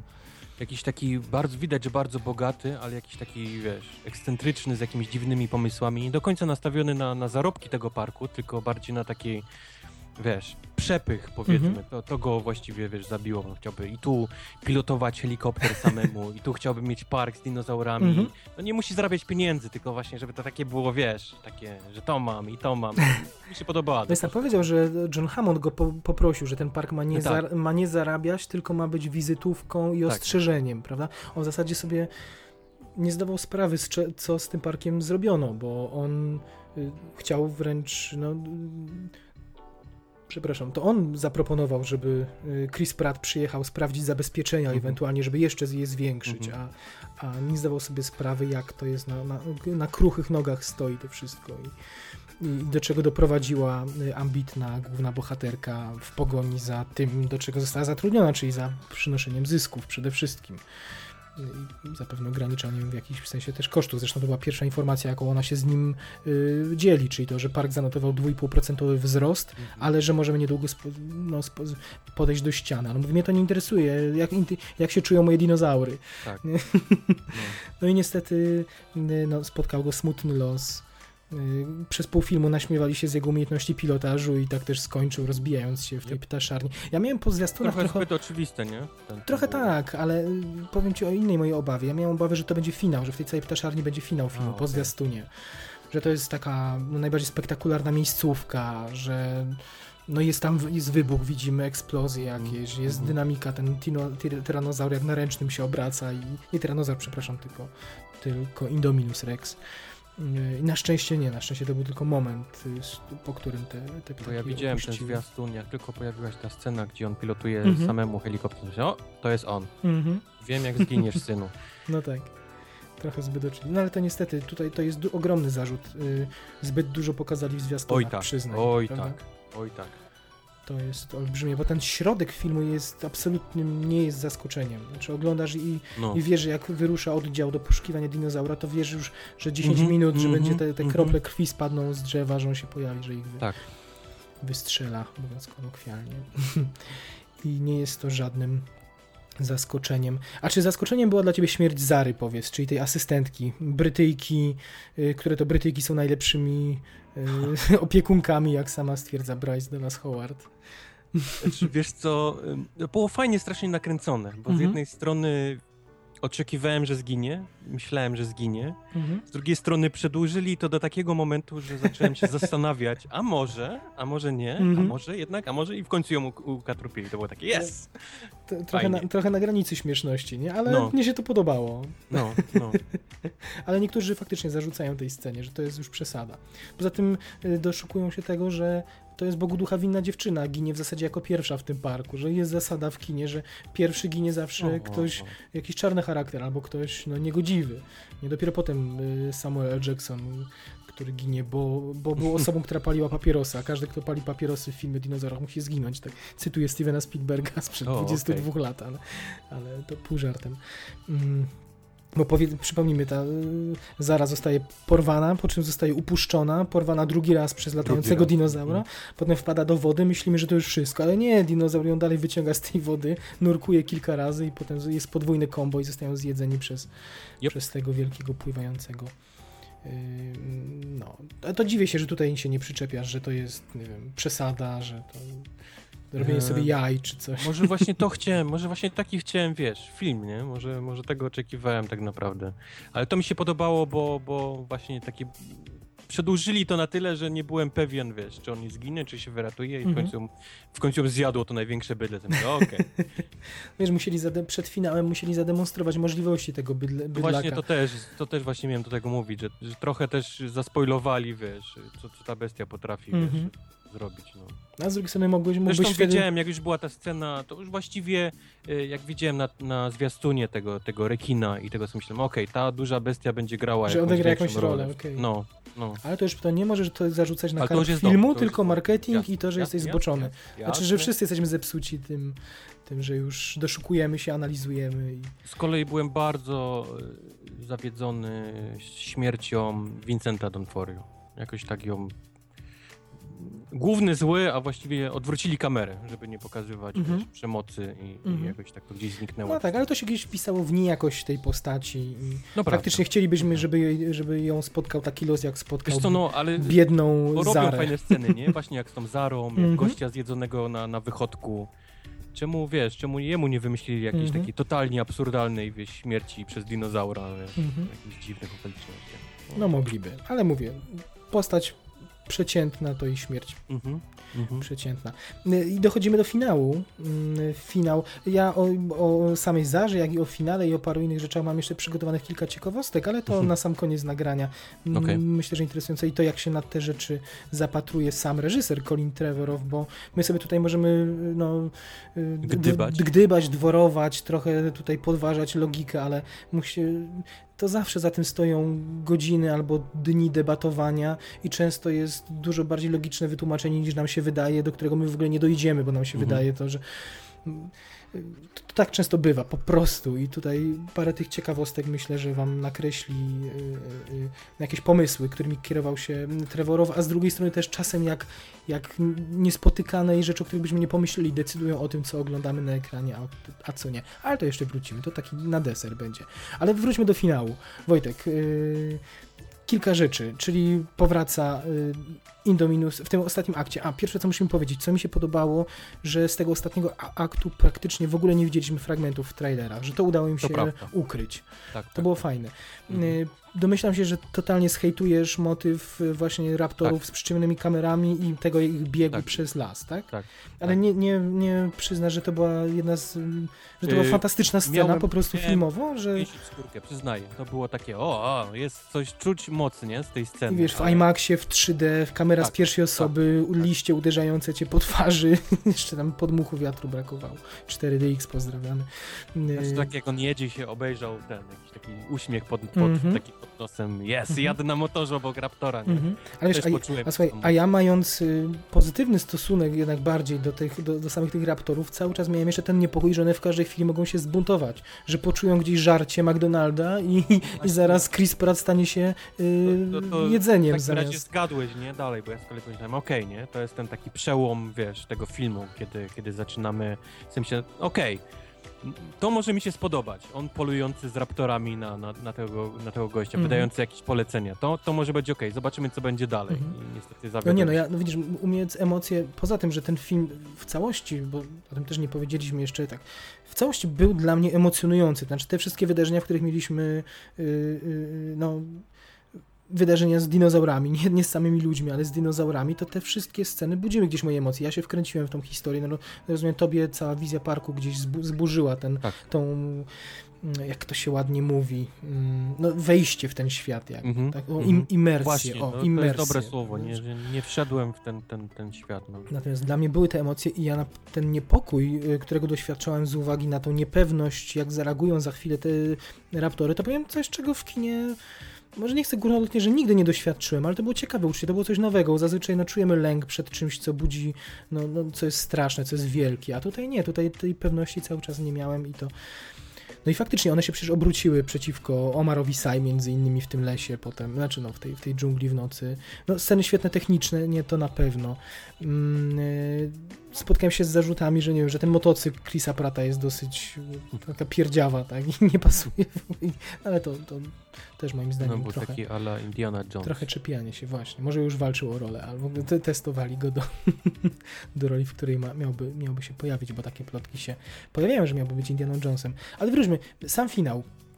Wojtek, y, czy on cię usatysfakcjonował? Czy ta finałowa walka gdzieś na nabrzeżu, w, w, w, na, najpierw w tym, y, w, w, tym centrum dowodzenia, a potem na zewnątrz? Ta choreografia Właśnie. walki, to, że się pojawia tyranozaur, bo musimy o tym, no, możemy o tym Jest wspomnieć. kilka scen, które mnie strasznie zabolało. Raz to ten, ten bieg z, z, tym, z tą flarą, który Mhm. ewidentnie jest nawiązaniem do, do, do tej sceny z Goldblumem. Z tym, że no, ta pani biegła w szpilkach szybciej Mhm. niż, niż tyranozaur, Mhm. co jest dość śmieszne dla No, mnie. ale Ale, ale sam fakt taki, że okej, jeżeli musimy pokonać tego bydlaka, to mamy, mamy w parku coś, mamy, mamy tak motherfuckera, którego wiesz, którego, który Mhm. faktycznie może się jedynie z tym, to, to faktycznie taki mi myślę, o kurde, no dobra, nie? pokaż im teraz, go, Pokaż im teraz get them tiger. Mhm. Bierz go Reksio, nie? I, i wiesz, i, i, i bieg. To, to, to faktycznie samo to, że mówiłeś, że nie zdradzili tego w żadnych zwiastunach.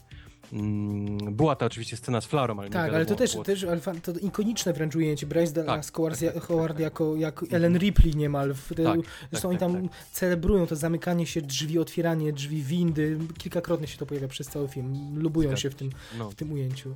No były ciary moim zdaniem. Były, były, były, jak najbardziej, to się przyznaję.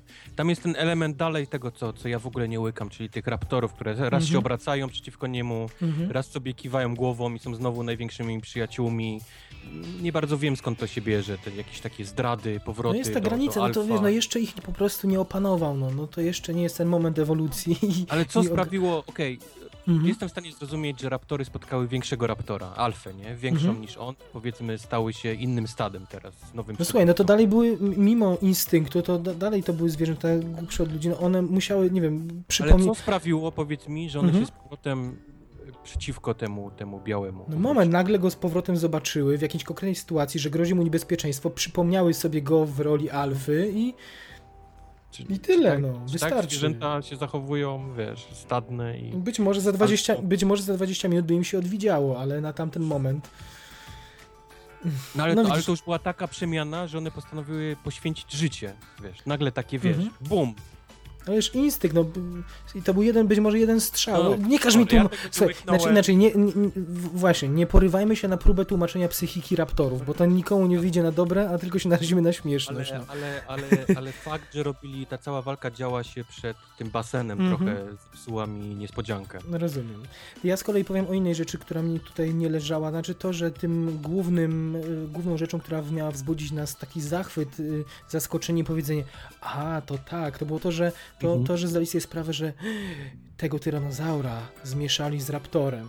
Mhm. No, w zasadzie to była moja pierwsza myśl na początku filmu, że skoro y, główna bohaterka mówi, że reszta jest classified, poza, poza tyranozaurem, Tak, tak. nie możemy zdradzić innych genów, to ja sobie pomyślałem, kurde, pewnie zmiksowali wszystkie, jakie mogli, tylko tyle ja, agres- wiesz, co ja agresywnie. pomyślałem, Mhm.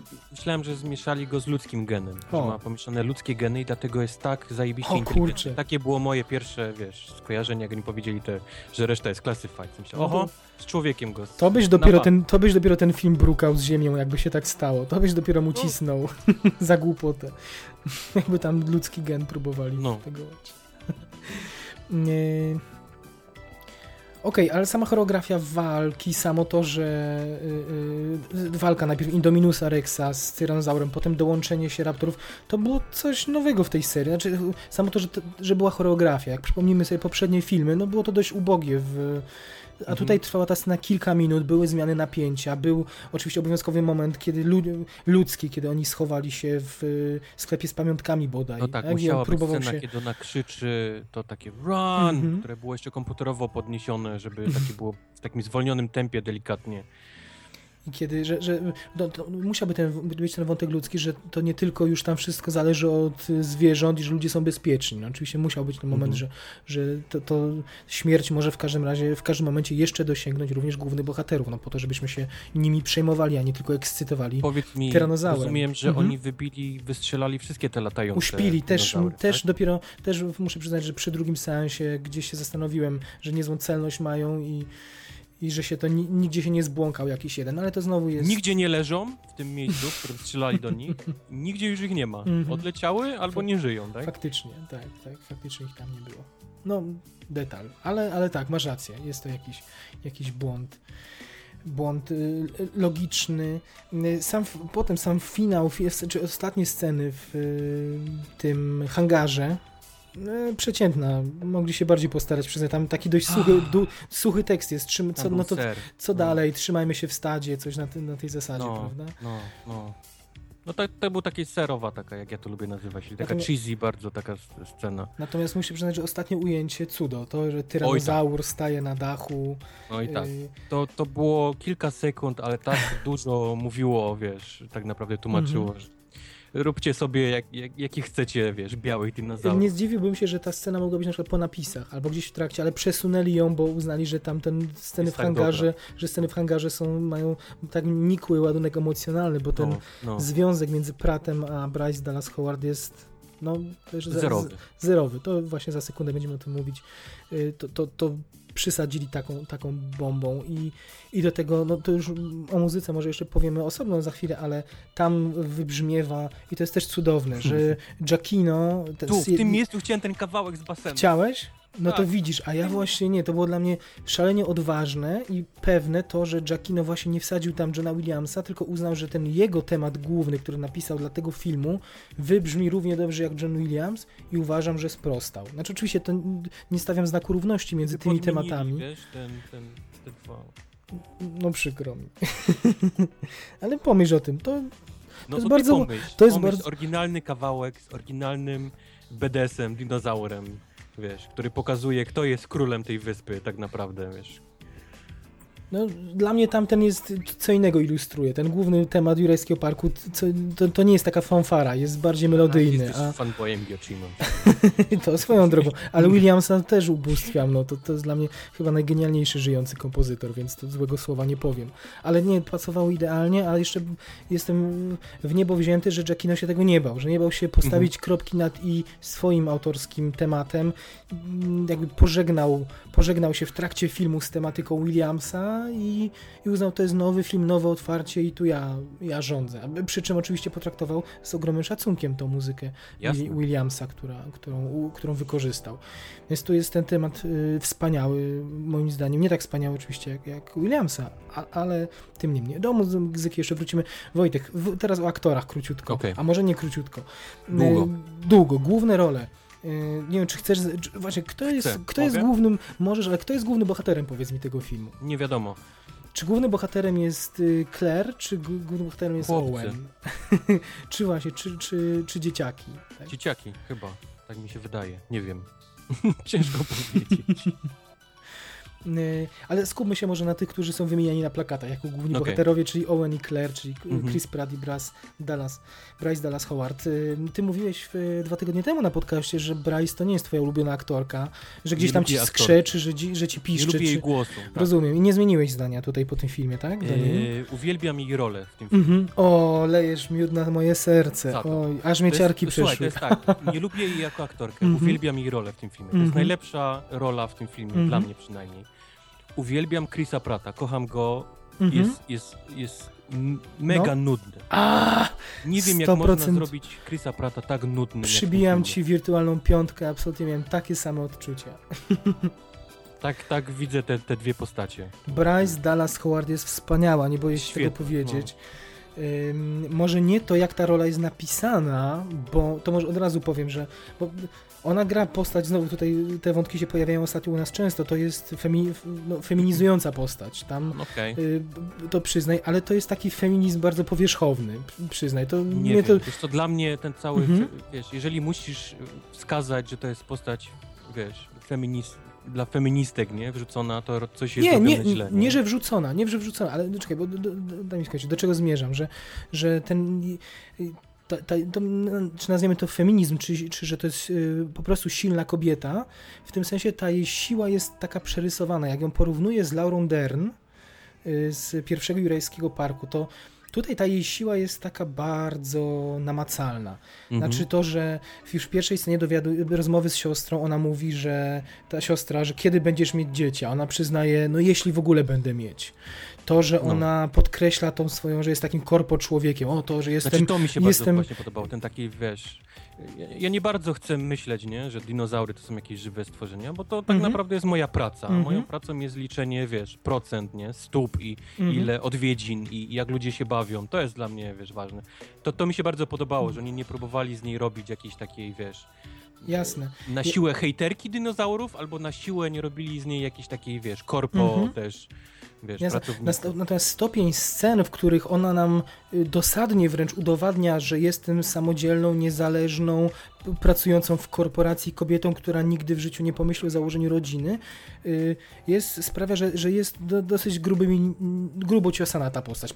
To tylko y, wspominam o tym dlatego, że myślę sobie o Laurze Dern, która miała podobne cechy w Mhm. pierwszym filmie, ale nie musiała opowiadać o dzieciach, nie musiała opowiadać, jaką jest silną kobietą, nie musiała mówić, że y, nie wiem, poradzi sobie z czymś, tylko po prostu to robiła. Jak trzeba Jasne. było, to szła sama do tej rozdzielni prądu i sobie tam Mhm. radziła i i tu w tym sensie to jest taki delikatny mój minus, ale to nie jest minus Bryce, tylko tego, jak ją napisali, jak Okej. napisali tę postać, ale to, jak ona, jak ona gra, jak No, to jest połączenie takiego chłodu, surowości, ale, ale z czymś takim, z urokiem. Ona jest Tak. urocza i on się od razu lubisz ją. Ta, ta scena, jak ona postanawia zwinić swój strój, bo ma, wiesz, niewygodny. Ja tak Tak. naprawdę wiążę sobie taką, wiesz, koszuleczkę gdzieś tutaj Tak. przybrzuchu i jest, tak, jestem gotowa, nie? Dokładnie, No, dokładnie, że to załatwia wszystko i zakasała rękawy. tak. No, no, tak. to takie nawiązanie, to, to zawiązanie tej sukienki to jest y, jeden z easter eggów, wydaje mi się, Tak, bo tak, tak. Laura Dern podobnie się nosiła w pierwszym, Mhm. w pierwszym filmie. Do szpilek jeszcze wrócimy, bo możemy sobie dworować Oj. z tych szpilek jako symbolu, ale opowiem to przy ciekawostkach, ponieważ Colin Trevorrow odniósł się dokładnie do tego tematu i, i to nie był taki łatwy wątek, jak, jak nam się może wydawać, to dlaczego to się pojawiło. Co jeszcze o Bryce Dallas? No fantastyczna ta fryzura, nie wiem czy to peruka, czy to naturalne, te rude włosy z grzywką, to było tak włosy. idealnie, która, która ta fryzura się na przestrzeni filmu psuła, nie? Mhm. lakier puszczał i robiła się coraz bardziej pofalowana. Ona się faktycznie, nie wiem czy, czy badałeś to, czy, on, czy gdzieś się pomylili, ale tam faktycznie po, y, to jak się zużywał jej strój, jak się coraz była bardziej brudna. Oj tak, tak, To tak, było- tak, tak, tak. Ona robiła się spocona, robiły się spocone i te, te ubrania i oni ją widać tak... Mhm. E, Nie próbowali ją czyścić. Nie? Mhm. Wydaje mi się, że, tak, że tam y, sekretarka planu, która odpowiada za notowanie, y, w jakim stanie aktor kończy dane ujęcie, żeby na przykład jak wrócą Mhm. do danej sceny za tydzień, żeby się nie pomylić Mhm. w czymś, to wykonał kawał dobrej roboty w, No, w związku no. z, jej, z jej strojem. To jest w ogóle, a jeszcze zanim wrócimy do aktorów, ten film wydaje mi się, że jeśli miałbym wskazać na jakiś element, który powoduje, że może u kogoś nie budzić wystarczającego napięcia, albo powoduje, że ten film nie wydaje się aż tak może powiem niespektakularny, ale e- epicki. On się dzieje w ciągu kilku godzin, zauważ, prawda? Mhm. To jest strasznie krótki, on, oni przyjeżdżają, to jest jeden wieczór tak naprawdę, Tak, to jest tak, tak, króciutki tak. okres. Miałem wrażenie, że też przez to trochę nie, nie możemy złapać takiego y, skali tego, co się dzieje. Że to wszystko się działo na bardzo takim krótkim odstępie, ale taki, to taki detal chciałem tylko nawiasem mówiąc, bo y, y, przypomniał mi się. Ale wróćmy do chwalenia Bryce, do zachwycania się. No sam moment, jak spotyka dzieciaki, kiedy on rzuca się i ten najmłodszy u, uroczo na szyję, on mówi, o jaki jesteś słodziutki i tak widać, że nie, nie ma nie ma pojęcia jak zareagować. I te jej wymówki są, to dobrze napisane. Znaczy ona mówi takimi sztampowymi tekstami, ale to w jej ustach te wymówki pracownika, szefa korporacji, który nie ma czasu dla rodziny, brzmiały szalenie naturalnie. Było autentycznie przykro w imieniu tego młodszego chłopaka, który liczył, że spędzi z ciocią y, czas. Tym bardziej, że dowiadujemy się potem, że y, zdaje sobie sprawę, że rodzice się prawdopodobnie gdzieś tam rozwodzą i między innymi też dlatego. No dobrze, ale Bryce, ale Bryce, Wojtek. Bryce. Ale No, Bryce. powiedzieliśmy wszystko. Mm, Wychwali, wy, wynachwalaliśmy się. Jestem, jestem naprawdę, dzięki niej jestem w stanie wybaczyć jej tą scenę na tych szpilkach biegnącą szybciej Mhm. niż, niż y, Tyrannosaur Rex. Mhm. To Bo była tak świetnie, wiesz, zrobiona. do i- genezy tego wrócimy, ale mówisz, że nie podobało ci się to? Czy mi się to nie podobało? Tak, bardzo ci się nie podobało, tak? Ten bieg na no, szpilkach, tak? Trochę mnie to tak, wiesz... Ale z, z, mam, no, wyczułeś, że to jest generalnie beka, to slow motion z Wiem, szpilkami. wiem, to... dlatego mówiłem, że wiesz, że to jest scena, wiesz, idealnie do, do wiesz, do, do, do tej z y, Goldblumem, nie? Gdzie on też próbuje gdzieś tam z tą pochodnią, przed tym tyranozaurem go odciągać, ale kurczę, no, wsiąść do jeepa, nie? I z tą pochodnią jakoś, no nie Mhm. wiem. No, jesteśmy, ona jest tak idealnym korpo człowiekiem, który ma przyrośnięte te szpilki do nóg, że jestem sobie w stanie wyobrazić, że szybciej porusza Nie się wiem, na, widziałeś że wiesz, że szybciej się parku, porusza, że szybciej się ta- porusza ta na tych no, no, Klatka z tyranozaurem była w cholerę daleko, Daleko. od tego basenu. Ona rozumiem. do, doleciała na tych szpilkach szybciej Rozumiem, niż ten ale to mówię, w topografii się nie czepiam, bo to wiesz, mogłaby, mógłby ucierpieć dynamika sceny, gdyby gdzieś to tam... Nie, no jasne, ale no... Albo, byś, albo by się właśnie przyczepił, że w takim długim odcinku to ten tyranozaur na pewno by ją dogonił, a tak... no nie miałbyś takiej cudownej sceny z podnoszeniem się Ale to- wrót i z tym... To mi się podobało, ta scena, jak ona trzyma tą, tą flarę. To jest jak na, jak na okładkę, wiesz, Mhm. gry albo, albo wręcz na plakat. Także Bryce chwalimy mocno, mimo że Wojtek ma jakieś obiekcje co do szpilek, y, do których jeszcze wrócę, ale poznęcajmy się nad Pratem, Wojtek. Co, co, on, co on wyprawiał? Co to się stało? Wielka gwiazda kina, o której pialiśmy na pierwszych podcastach, że to jest y, no, najbliższe parę lat spędzi, że to, ochrzciliśmy go największym wygranym ubiegłego roku wręcz, nie? I że... Myślę, że jest źle, bardzo źle napisana rola Mhm. Tego aktora. Mhm. Jeżeli bierzesz Chrisa Prata, to musisz go zrobić gościa, który nie bierze tak naprawdę rzeczy na, na serio niektórych. Albo, albo bierze na serio, ale jest w stanie z nich e, żartować non-stop.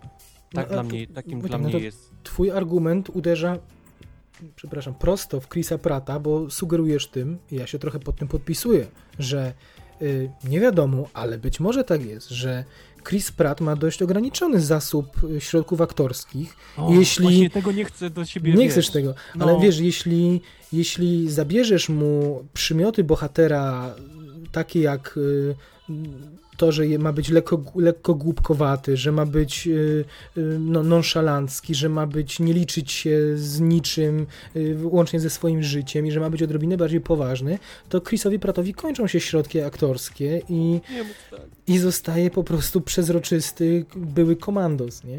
No. Słuchaj, y, twórcy mówią o, tym, że otwarcie, że jego angaż nastąpił zanim on, oczywiście, zanim on odniósł sukces w Strażnikach, bo zdjęcia trwały w Mhm. 2014 roku, kiedy, kiedy jeszcze przed premierą Strażników Galaktyki. Y, Jego Colin Trevorrow zaangażował y, przez to, że obejrzeli go w, we wrogu numer jeden, w Zero Dark Mhm. Thirty. Mhm, mhm. Zobaczyli go tam po prostu jako amerykańskiego żołnierza. I tutaj chcieli, żeby prawdopodobnie. Oni powiedzieli, że chcieli zatrudnić aktorów charakterystycznych, Czyli co, co robią. późniejszy wizerunek, tak? Tak naprawdę zniszczył tą rolę? To chcesz powiedzieć, że, że Nawet- oczekiwaliśmy Star-Lorda, a tak naprawdę dostaliśmy Komandosa?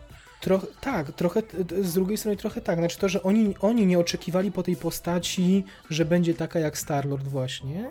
W związku z tym napisali tutaj sztampowego byłego komandosa, zblazowanego, z, często z chamskim dowcipem, bo on tam się nie, No, no, nie chrzani się w tańcu za przeproszeniem, jak ale jest... kurde, no, ale to mimo to on był strasznie drewniany w tym No filmie. tak, ale zrobili go, pro, prostaka zrobili. Znaczy to jest O. prostak, momentami idiota, ale taki neg- negatywnie bym powiedział. On, ta, ta jego rozmowa przy tym domku z Przy Bryce Dallas Howard to jest no, żenujące. To w ogóle jest... żenująco słabo, no. Muszę powiedzieć to przy tej okazji, taka ciekawostka, Joss Whedon, reżyser Avengersów, zarzucił wręcz, yy, ponieważ studio yy, tak Universal, yy, które zrobiło Jurassic Park, yy, ono, chyba to był pierwszy klip promocyjny, nie licząc Tak, zwiastunów. tylko on, to, to jest dość wycięta scena, Tak. wiesz, z całego filmu. Jeżeli nie zrozumiesz tak naprawdę jej chemii takiej, Mhm. której no, nie ma, ale powiedzmy, że oni ma, coś tam mają, jakąś taką Mhm. przeszłość i, i dalsze historie, to on, on widział wycięty kawałek i to jakoś taki strasznie się też wkopał niestety w ten Znaczy, on się, on, tak, on się oburzył na to, ale sam Colin Trevorrow przyznał, że sorry, no nie, nie ja robię marketing. Niestety nie ma No. takiej władzy jak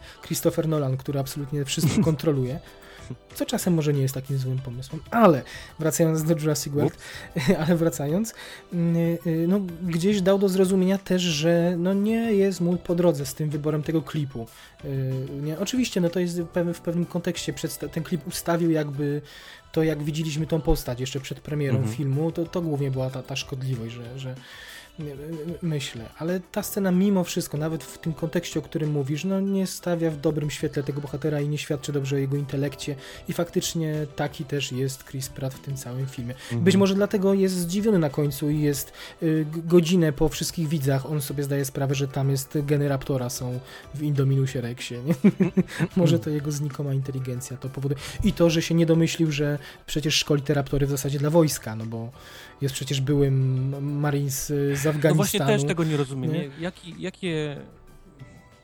Dlaczego zatrudnia się byłego żołnierza Marinesa jako... Czy nie, to jest akurat logiczne, że zatrudniasz, żeby p- prowadził badania nad czymś, co ma być przyszłą bronią. Natomiast nielogiczne jest to, że on sobie z tego nie zdaje sprawy, bo on nagle potem się dziwi, że oni chcą użyć No, ale on jego jest zwierząt jako. nie przez InGen, tylko on jest zatrudniony przez Park, nie? Znaczy, ale park jest właściwie. Znaczy, ale InGen, jakaś część InGenu jest właścicielem tego parku. No to oni no tak, ale powierzyli to temu. właściwie w tym momencie, kiedy my oglądamy, to dopiero on się dowiaduje o tym, tak naprawdę, tak samo jak my, że InGen też tam gdzieś macza swoje palce, InGen chce jakieś tam wojskowe rzeczy robić. On wcześniej tego nie wiedział, to jest jego pierwsze spotkanie z, tam, z Don Forio i wiesz, i całe rozmowy na temat, wiesz, robienia ze zwierząt Nie, broni. ale chyba Donofrio, ten Vincent Donofrio mu mówi, że, mm, że, że, że no, ty pracujesz dla mnie w zasadzie, że co ty nie, nie wiedziałeś, nie, po co ja tu przyjeżdżam, nie wiedziałeś po co tu jest, a on dalej sprawia wrażenie głupka struga. My już wszyscy, No. my już wszyscy wiemy, że to ma być broń, a on dalej robi z siebie, nie wiem, pracownika ZO, który jest komandosem wcześniej.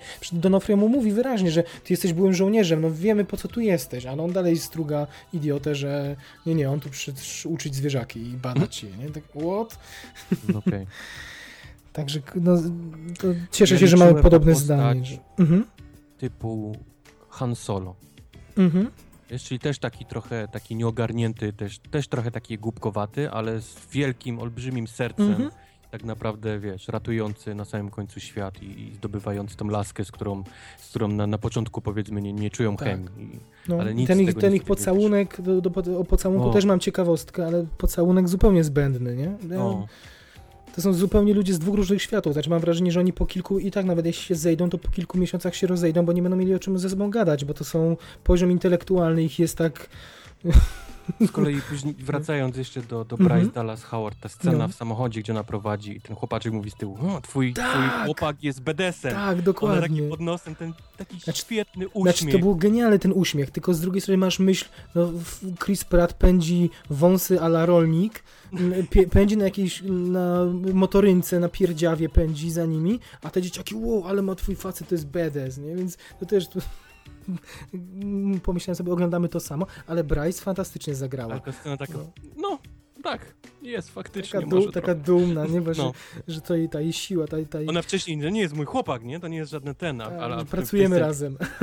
Yep, no, może faktycznie trochę jest bedesem. I w ogóle te motywy, jak ona im zamyka okno i mówi, nie oglądajcie teraz tam, no, tak, bo oglądała podgląd to coś, co, to, z tych kamer y, na głowach raptorów i oglądała, jak zabijają kolejnych ludzi, a dzieciaki co chwilę otwierały okienko, żeby tak, podglądać. Ale, ale siedzą, dwójka dzieci siedzi zamknięta w ciężarówce, żeby mi się nie stało, po czym podlatuje komandos, otwiera na oścież tą ciężarówkę i krzyczy uciekajcie! nie, nie otwarł na odścież, on zakrwawioną ręką uderzył w szybę tylko. Nie, otworzył. Nie, bo rozsmarował Otworzył. krew na szybie, jestem pewien. Dupa. Byłem na filmie przedwczoraj, pamiętam. Ja to sprawdzę jeszcze i się.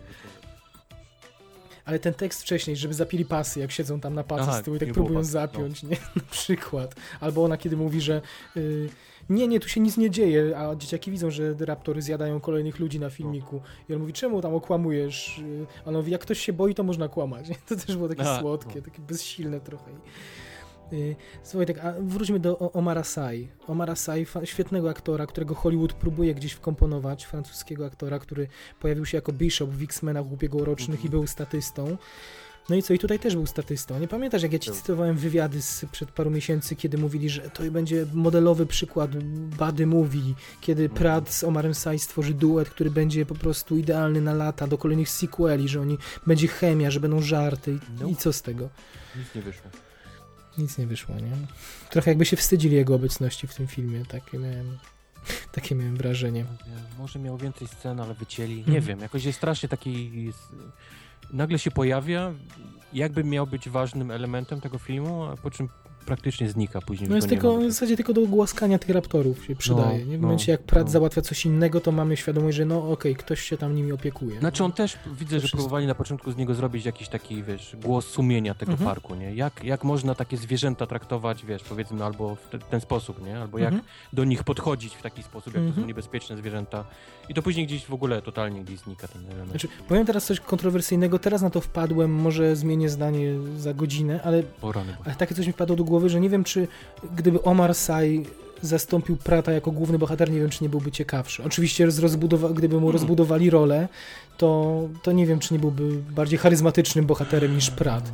On miał w tych scenach, nawet kiedy tylko się podśmiechiwał, podśmiechiwał pod nosem, miał taki fajny, naturalny luz, którego brakowało Pratowi, który był takim kurde czereśniakiem po prostu z wąsem, który naprawiał ufajdany motorynkę i nie mógł zrozumieć, dlaczego laska go rzuciła po pierwszej randce, bo przyszedł na randkę w shortach. No przecież tu jest gorąco, to sobie przyszedłem w shortach na, na pierwszą randkę.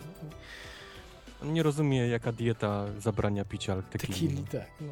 no widzisz, to jest postać napisana tak yy, grubo jest, znowu użyję tego słów, tych słów, grubo ciosana, trochę dosyć stereotypowa i zamknęli biednego Chrisa Prata w No. taki właśnie i unie, uniemożliwili mu i on no, nie, nie nadał kolorytu, niestety, tej, tej postaci. Mógł ją jakoś zbudować po swojemu. Słuchaj, mówiłeś, przejdźmy do dzieciaków, mówiłeś, że ci się nie podobali, tak? Jako, Oj, strasznie jako mi się nie podobali. bohaterowie. Nie podobali ci się. No widzisz, Cały dla mnie... wątek i dzieciaków, zwłaszcza tego młodego Mhm. Greya.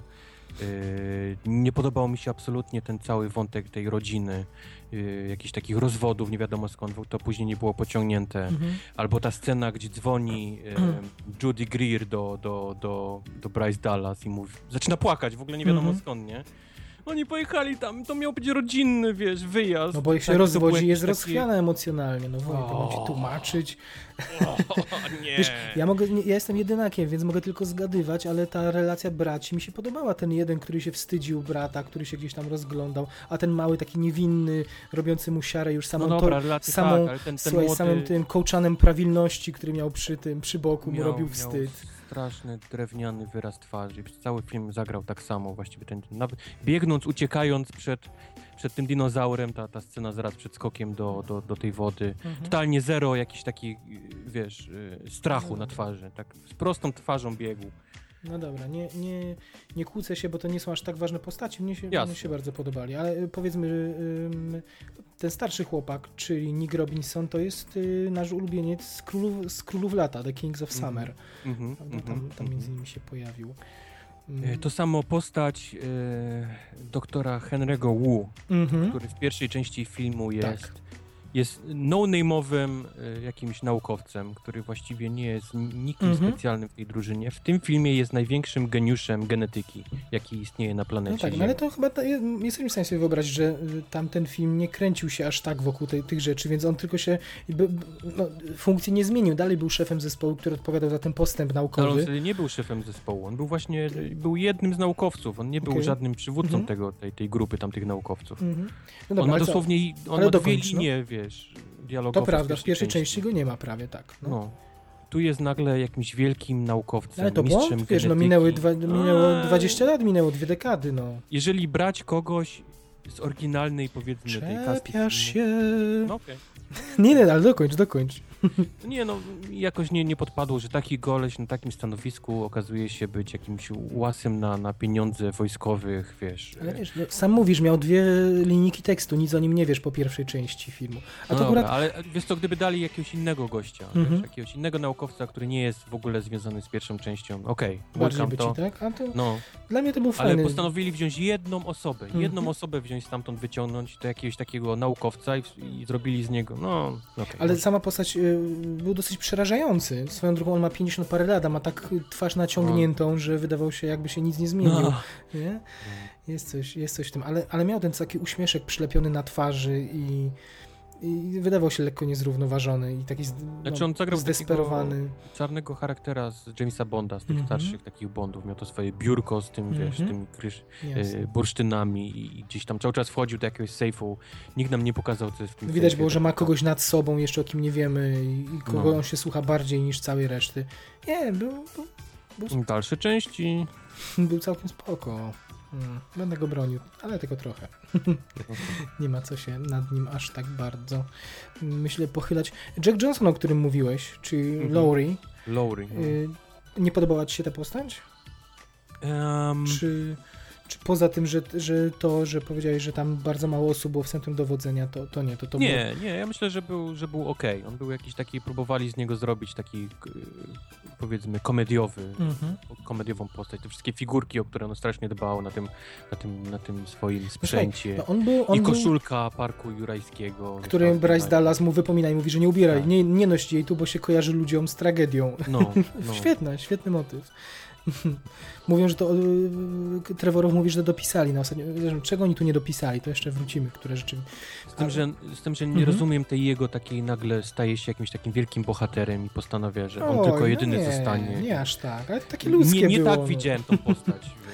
Okej, myślałeś, że pierwszy ucieknie, Ta tak? Że z jest dla mnie takim tchórzem, no. Jeżeli idziemy Mhm. w komediową, to ten koleś powinien spieprzać Słuchaj, no ale, pierwszy. słuchaj, jeśli on jest y, ostatnim wyrzutem, wy, wyrzutem sumienia tego No filmu, niby tak.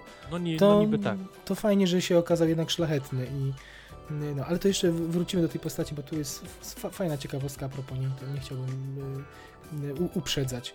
Wojtek, czy jeszcze któreś postacie, czy, czy to chyba wszystko, prawda? Chyba wszystko. Chyba no. wszystko. Zanim przejdziemy do easter eggów, y, krótko o muzyce. Co, powiedz, co ty mi powiedziałeś, jak y, słuchaliśmy pierwszy raz soundtracku? No nie razem, ale, ale gdzieś tam jak się pojawił. Tak. No, ym, no po, po pierwsze powiedziałeś, że bardzo ci się podobał y, no, jeden z utworów, który pierwszy, jako pierwszy się pojawił. A no tak. że jest fantastyczny. Ten właśnie z, między innymi z głównym tematem nowym Aha, z filmu. aha, I aha. rozumiem, że podtrzymujesz to po, po Jak całym filmie. Czy, no, mówiłeś też mi, że masz dość trochę muzyki, bo w grze Jurassic World, Lego Jurassic World, No, ta muzyka to, jest... To nie jest filmu, filmu nie będę, wiesz, Tak, no ale musicie mieć świadomość, że Wojtek przez 40 godzin grania w Jura, Lego Jurassic World, no, 48. byłeś epatowany tak muzyką, że No. aż ją wy, wyłączyłeś, co jest No, no, no. dość znamienne. Mm, No. Co, co nie zmienia, wiesz, że ta muzyka w filmie mi się bardzo, bardzo podobała. Właśnie po- powiedzmy te motywy, na które ja... Oprócz tego, co mówiliśmy już, no nie chcę powtarzać tego samego. Ten, Tak, ten kawałek nie- przy nie tym leżało, tak. nie leżał. Poleciał w Tak. złym momencie. Y, Natomiast no, musimy powiedzieć, że, że tak, że tych motywów Williamsa nie, nie ma dużo, bo on się pojawia raz właśnie w momencie, kiedy dzieciak otwiera okno i kamera sobie ro- robi, Mhm. robi przelot nad parkiem. Dwa, kiedy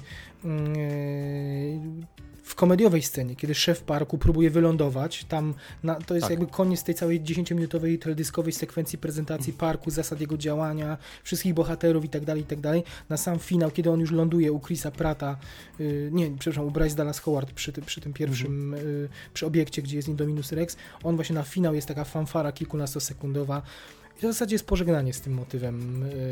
yy, I on już więcej w filmie nie wraca. Jest potem jeszcze John Williams w tej scenie, w której są w Starym Parku, a reszta to jest już muzyka Michaela Giacchino, który, no, który chyba nie rozwodząc się poradził sobie znakomicie, prawda? Nie odróżnia się, znaczy utrzymał ducha muzyki Johna Williamsa. Tak, tak.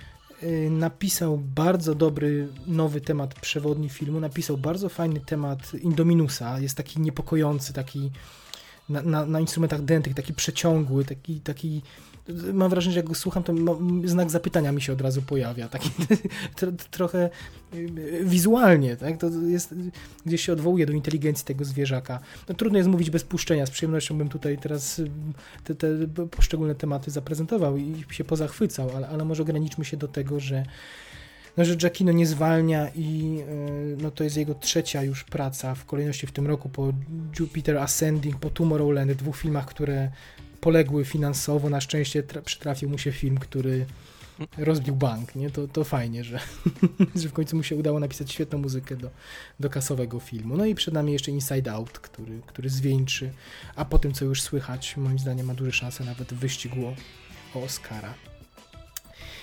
Y, Wojtek, pozostawiając, mu, zostawiając muzykę, y, a zanim przejdziemy jeszcze do easter eggów, o tym designie chciałem, o tym designie, Mhm. który troszkę próbowałem tonować, żeby, żeby jeszcze osobno się po, pozachwycać.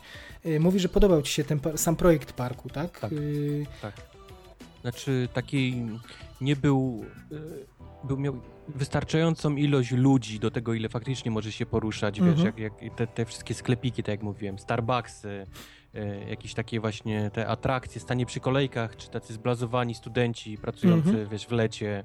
To wszystko idealnie po prostu odwzorowuje, jak wygląda życie w parkach, tak tutaj w Stanach.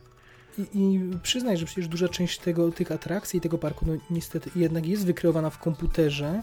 Yy, bardzo dobrze, że sobie poradzili, wydaje mi się, ze skalą tego parku, z tym, żebyśmy wierzyli, że to faktycznie jest gdzieś wybudowane. Nie wiem, Mhm, czy, czy mhm. miałem takie momenty, że przestawałem widzieć komputer i widziałem faktycznie dobrze za, zaprojektowany park roz, rozrywki. Ale takie, wiesz, wejście z kolejki, powiedzmy, główne wejście to jest właśnie zawsze takie wielkie, okrągłe takie pomieszczenie, Mhm. wiesz, z jakimiś tam kasami, informacjami i tak dalej. To też było to takie z tym takim hologramem na środku. Tak, tak. Zresztą hologram fajną rolę też dramaturgiczną Mhm, pełnił tam pod koniec. To I dalej właśnie się pomysł. przechodzi właśnie przez to i, i jest zawsze jakaś taka długa ścieżka do, do, do powiedzmy tam I od hoteli, nogi, czy czegoś, Mhm. od nogi, tak, i zaczyna się, wiesz, zawsze wyłania się ten taki główna Mhm. atrakcja.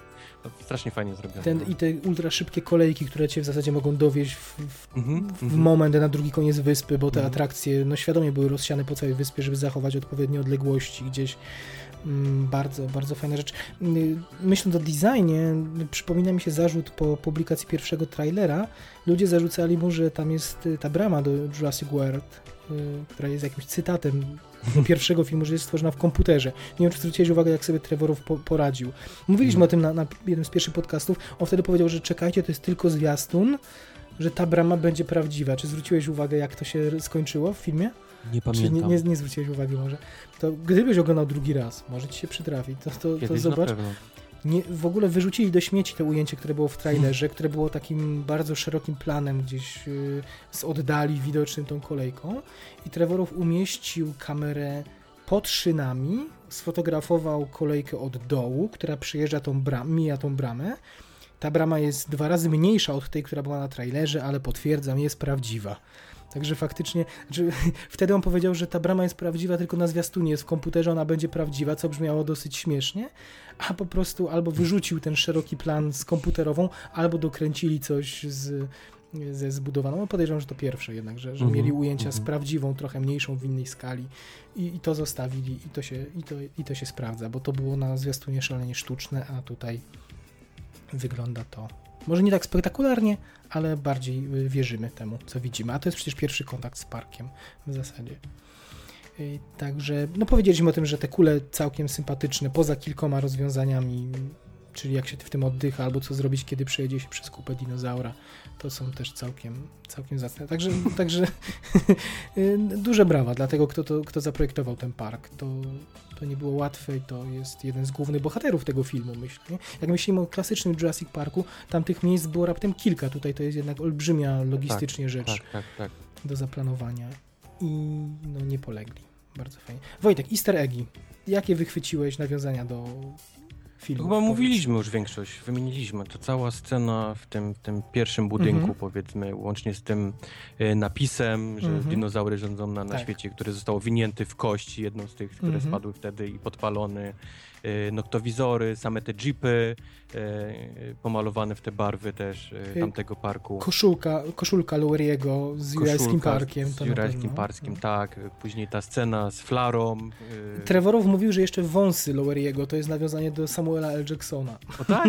Tak. Okej. To jeszcze okularów mu brakowało. Że chciał trochę takim cytatem z tamtej postaci wizualnym. No Henry W. właśnie to, co, to, co Henry, tak, mówiłeś, Henry to, Wu, to na tak, pewno. Też, to. Mm, Jest ujęcie helikoptera, tylko tutaj w, innej, w innym kontekście, kiedy Donofrio, Donofrio ściąga kawalerię. To jest dokładnie identyczne ujęcie, kiedy ten helikopter wlatuje między góry na wyspie. Dokładnie takie jak, nawet heli- helikopter jest chyba tej samej marki, I jak sam, właśnie wlatują po raz pierwszy, tylko że w pokojowych celach. Yy, No, cała załoga z yy, no, Richardem Hammondem na czele. Więc to też na pewno taki wizualny cytat. Yy, Co byśmy jeszcze. No, jest Mr. DNA. Mm, W pewnym momencie Mr. Dana, jeden z, z tych Mhm. dzieciaków młodszych podbiega do panelu, próbuje, rozwiązuje w emocjach zagadkę tam y, naukową i, i widzimy dokładnie tego samego animowanego bohatera, o którym też za chwilę ciekawostka będzie. No ta koszula Bryce Dallas Howard, którą ona zawiązała, ale Mhm. Laura Derni, to miał być symbol, Mhm. że teraz, teraz mogę być równa z tobą i tropić złego Indominusa. Nie, I jeszcze jedna rzecz, na którą przyznam szczerze, zwróciłem dopiero za drugim razem uwagę, ale ona jest faktycznie kadrowana tak, żebyś jej spróbował jej nie przeoczyć. Jest tam książka Iana Malcolma, czyli bohatera granego przez Jeffa Goldbluma. Czyli on jest w tym filmie. Jest książka pod tytułem chyba Bóg stworzył dinozaury y, i ona się przewija. Chyba raz mają ta asystentka, właśnie Zara, czytają, ale ona jest wielokrotnie na, na stole właśnie Loweriego. Wśród tego A. całego jego bajzlu leży, a że tam jest nad wyraz często ta, ta, to centrum dowodzenia pokazywane, to, to ta książka stojąca sobie grzbietem, że widać tytuł, ona jest taki dosyć odblaskowo, odblaskowy, ma ten grzbiet. I No, jestem, ale oczywiście no, nie, nie obyło się bez delikatnej pomocy internetów i, i drugiego seansu, żebym to odnalazł. Także nie to, żebym był aż, takim, aż taki spostrzegawczy, nie, nie, nie. Ale tak, musimy potwierdzić, jest, jest Ian Malcolm w takiej formie. Właśnie y, Trevorow mówił, że nie chcieli, mimo że oczekiwania ludzi były jasne, no chcemy tych bohaterów z, z pierwszego filmu, Mhm. ale on mówi, że nie, że to miało być świadome odcięcie się i że jeśli kogoś absolutnie nie potrzebujemy, to chcemy, to chcemy mieć coś nowego. No i tutaj no, taki był argument, że ten doktor Wu to faktycznie było jedyna dla nich dobrze uargumentowana postać, która, która mogła być łącznikiem między tymi filmami. No bo to, jakby to wyglądało? No, ściągnęliby ludzi 20 lat starszych Jasne. i próbowaliby wymyślić dla nich, co oni robią w tym parku, nie? No co, Mhm. przyjeżdża kolejny raz przekonać się albo ostrzec, że robicie źle. No, No. Nie, nie, bardzo, jasne. bardzo dobrze. Czy mogło być jakieś cameo delikatne? Mógł gdzieś tam, gdyby przemknął Jeff Goldblum albo... A, Ale, ale to znowu byśmy powiedzieli, to, że to by było szczucie nostalgią, a kolejny raz, nie wiem czy się ze mną zgodzisz, podkreślę to, że moim zdaniem ten film jest bardzo delikatny i subtelny, jeśli chodzi o granie na nostalgii widza i to jest duże osiągnięcie tego, tego filmu. Mam nadzieję, że się zgodzisz ze mną. Zgadzam się jak najbardziej. Cudnie. No to to, na koniec ciekawostki, które mam, Mhm. mam y, No właśnie, kilka masz wygrzebanych. tyle, mówię, że czekam. Nie no, większość ciekawostek to było w pierwszym filmie. Tutaj mam kilka, ale mięsistych, No. które Trevorow... y, Właśnie, to jest cudowne, że... y, Znaczy, inaczej. Jest niewycho... ja, ja, jakbym był, byłbym bardzo bogaty, to zacząłbym wydawać miesięcznik, magazyn, który rozmawiałby z twórcami już po premierze filmu. Bo Okej. Co z tego, że pogadasz z kimś przed premierą, jak ten człowiek, który nie może nic opowiedzieć może o filmie, Jasne, no. Idealnie jest rozmawiać już po premierze, kiedy mogą zdradzić, jakie mieli plany, z, y, gdzie musieli iść na kompromis. No i tak sobie, na przykład o szpilkach. Oczywiście zapytali Trevorowa, zresztą w jakimś y, którymś y, to krzole Chris Pratt biegał, musiał biegać i zademonstrować, jak on by sobie poradził na szpilkach. To też ostatnio O, to widziałem. Tak, tak. Dobry jest, skubaniec. Natomiast Trevorow mówi tak. Oczywiście zdawałem sobie sprawę, że w pewnym momencie ludzie zaczną się zastanawiać, dlaczego ta bohaterka nosi szpilki i czemu ich nie zdejmie. No i chciał ją tych szpilek pozbawić, ale Bryce Dallas Howard, która najwidoczniej w prywatnym życiu nie jest taką postacią, jaką gra tutaj, powiedziała, że te szpilki to jest fundament budowy tej postaci dla niej. Że ona w momencie, gdyby zdjęła te, te szpilki, pogubiłaby się jako aktorka. Że ona sobie gdzieś zbudowała tą postać, że to było dla niej kluczowy element tego stroju. Okej. Te szpilki po prostu. I ona powiedziała, że ja sobie poradzę, będę biegać na równi z pratem, będę biegać tak szybko, żebyś uwierzył mi, że jestem w stanie biegać tak na szpilkach szybko, jak i bez szpilek. No I on powiedział, Trevorow powiedział tak, że za bardzo liczy się z aktorem i chce mu zapewnić komfort, że liczy się dla niego przede wszystkim komfort aktora, że nie jej tego pozbawić. Że dopiero, zresztą to nie był dla niego problem w trakcie zdjęć, dopiero później, gdzieś chyba na etapie montażu zdał sobie sprawę, że oho, że ludzie mogą się czepiać. Ale no, to już było raz, że za późno, a dwa, że dalej, mówię, mm, stał y, murem za aktorką, w związku z tym pewnie wtedy pomyślał, że okej, to zróbmy sobie z tego jaja i wprowadźmy to slow motion i pokażemy, poka- mrugnijmy okiem, że też nie do końca poważnie te szpilki traktujemy. No ale to gdzieś był ten symbol tej siły kobiecości jej i, i stąd, i stąd te Ciekawe. szpilki. Ciekawe. Taka historia za tym, za tym. Także są świadomi tego i jest opuszczenie oka. Y, Co dalej? Ta piramida, czyli y, design głównego Mhm. centrum dowodzenia, która, którym ot, otwierającym ujęciu widzimy, to centrum. Powiedzieli, że to jest połączenie designu Abu Zabi, A, Abu Zabi z górą Fidżi. Abu Zabi z Z górą, Fidżi. No i trochę tak. Nie? Materiały trochę jak ten, a kształt jak góra Fidżi. Y, y, Natomiast y, wnętrze zostało zbudowane, tego pomieszczenia zostało zbudowane w sekretnej placówce NASA w Nowym Orleanie. Trzeba wiedzieć, że poza jednym planem wszystkie natur- te naturalne y, plany, to znaczy inaczej, zawsze kiedy widzicie jakąś roślinność w tym filmie, to w odróżnieniu od pierwszej części wszystkie sceny poza jedną były kręcone faktycznie na Hawajach w naturalnych plenerach. Mhm. To nie jest tak, że w, zbudowali w y, studiu dżunglę, żeby było łatwiej, tylko nie. Mo, może też dlatego tej anima, o tym nie mówiliśmy, tej animatroniki w filmie nie ma już tak dużo. Oczywiście pojawiają się y, dinozaury prawdziwe, ale jednak Indominus Rex nie pojawia się ani raz, nie, nie jest fizycznym modelem. To jest zawsze Mhm. efekt komputerowy. No między innymi pewnie przez to, że właśnie nie, ciężko byłoby przetransportować takie coś na Hawaje, no byłoby to A za ta drogie. scena, gdzie umiera jeden z tych takich... To jest jak najbardziej prawdziwe. Tak, tak, tak. To jest no. prawdziwe. I tam od, To i, też i jest zresztą widać to, egg, prawda? nie? Taki- Tak, to jest do tego Triceratopsa, Mhm, dokładnie. mhm, no. mhm. I, wi- ale widać tą różnicę, nie? Od razu po skórze O, tak, tego oj, dinozaura, od razu, od razu kupujesz to o wiele bardziej taką, taką postać. Zresztą momentami miałem wrażenie, że te raptory lepiej wyglądały 22 lata temu. nie wiem, czy dlatego, że tam momentami nie mogłem odróżnić, nie wiem, czy one będąc w klatkach to były modele, czy to był efekt komputerowy. Ciężko, ciężko mi powiedzieć, nie będę się wymądrzał, nie mam, nie mam pewności. W każdym razie tak, tutaj w placówce NASA w Nowym Orlanie zbudowali wnętrza tej głównej hali. O śmierci Zary mówił y, z kolei Colin Trevorow, właśnie tej, tej Bogu Ducha Winnej opiekunki, którą tak sponiewierano. Y, on powiedział, że śmierć spowszedniała w, tej serii filmów, że wiemy od razu, że w pewnym momencie zacznie się rzeź i Jadka, no. ludzie zaczną ginąć. I on mówi, że okej, no to jak zaskoczyć takiego widza? Trochę jak sami, sami funkcj- ci pracownicy Jurajskiego Parku, którzy, którzy stworzyli nowego dinozaura. No jak zaskoczyć współczesnego widza filmu o potworach, o dinozaurach, Mhm. śmiercią kogoś? No to okej, wzięli osobę, po której najmniej się tego spodziewasz, jeszcze wsadzili jej w usta tekst, że nie puszczę mojego przyszłego męża na wieczór kawalerski, bo jego koledzy to zwierzęta i zostaje przez zwierzęta rozszarpana. No i tak mówi, że to, to właśnie to nim kierowało. Chciał zrobić coś cool i, i takiego, żeby znowu śmierć przestała być, czy może nie, że obojętna, bo my nie, nie sądzę, żeby ktoś się na tej śmierci wzruszył, bo jest to tak osom i, i, i nawet śmieszne, głupio mówić o śmierci. Nie? Ale tak, tak, to też było świadome.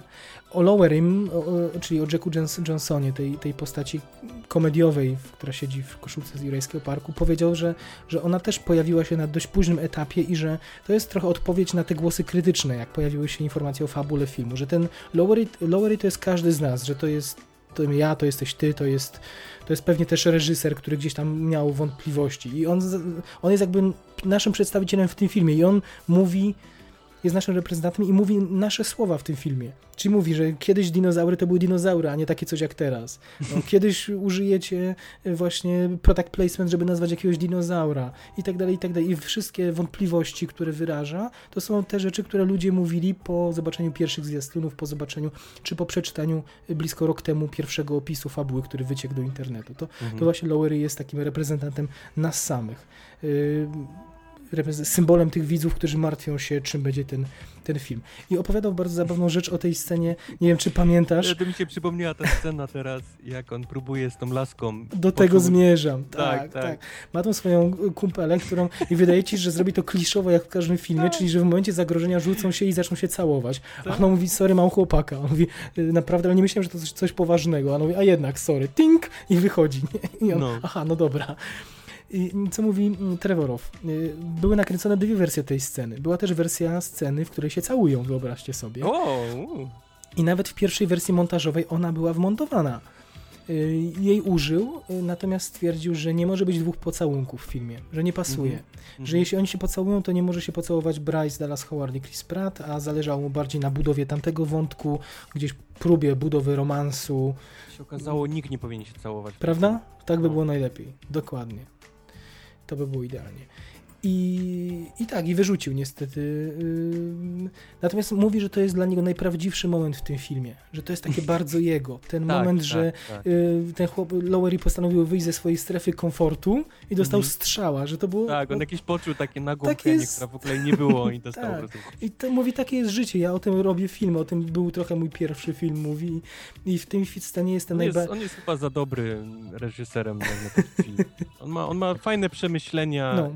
Ale wpadł w jakiś taki wysokobudżetowy jakiś taki film. Wiesz, no to też zawsze na tym to polega, że, że pewnych rzeczy też niestety nie dostrzegamy w takim ogromnym filmie, prawda? Nie zwracamy, No. być może nie dostrzegamy detali jakichś. Ale cudnie, że, że szkoda, że tak rzadko, ale cudnie, że, że niektórzy chcą o tym opowiadać i mają ochotę. Y, Co dalej? Y, Wyobraźcie sobie, że był jeszcze jeden zmodyfikowany dinozaur w scenariuszu. Y, I y, prawdopodobnie był też y, nawet w jakiś sposób w filmie uwzględniony. Nazywał się Stego, Stegoceratops, czyli Stegozaur i Okej. Triceratops połączony. Mhm, mhm. Czyli dosyć takie na łatwiznę bym powiedział pójście, bo to takie bardzo znane dwa i różne No tak. z wyglądu. Była scena, w której go spotykali w dżungli, właśnie Chris Pratt i Bryce Dallas i to miał być dowód, że W na własną rękę tworzy hybrydy pod ich nosem, a oni o tym nie wiedzą. Rozumiem. To mieli się Mhm. gdzieś szukając tego Indominusa, nagle wow, co to jest, nie wiedzieliśmy w ogóle, że to istnieje. Gdzieś tam. To miało być, i to było do tego na tak zaawansowanym stadium, do tego stopnia, że Hasbro wyprodukowało już zabawki. Wow. Są zdjęcia w internecie i pewnie nie wiem, czy nie wylądowało to też na półkach, bo a co tam, czemu nie sprzedać? No tak. Także te zabawki miały uwzględniony jakiś specjalny ruch tego dinozaura. I najśmieszniejsze jest to, w jaki sposób y, Trevorow zrezygnował z tego. Otóż jego syn, kilkuletni, powiedział, Rozpłakał powiedział, nie, powiedział tak. Jak o tym, nie wiem, czy jego syn był zresztą na planie, bo jego syn ujeżdża Triceratopsa malutkiego w tym, tak, tak, tak. w tym zoo malutkim Zoo, tam. mhm. To jest jego syn tam gra. O, jak notabene świetny pomysł z tym zoo, prawda? tak, tak. W, w Polsce też są takie pomysły, są takie małe... No ale to tutaj właśnie też są takie zoo, wiesz, w każdym zoo jest Tak, że takie na, miejsce, gdzie można pojeździć. na śwince, na koniku, a tam możesz na tri triceratopsie. Świetne to. I potem jak dinozaury te latające próbują porwać tego triceratopsa No, unieść, nie? No. Świetna sekwencja. Właśnie też się zastanawiam, dlaczego poszły za, za wiesz, za, za tymi, Tak, że... Świetna rzecz.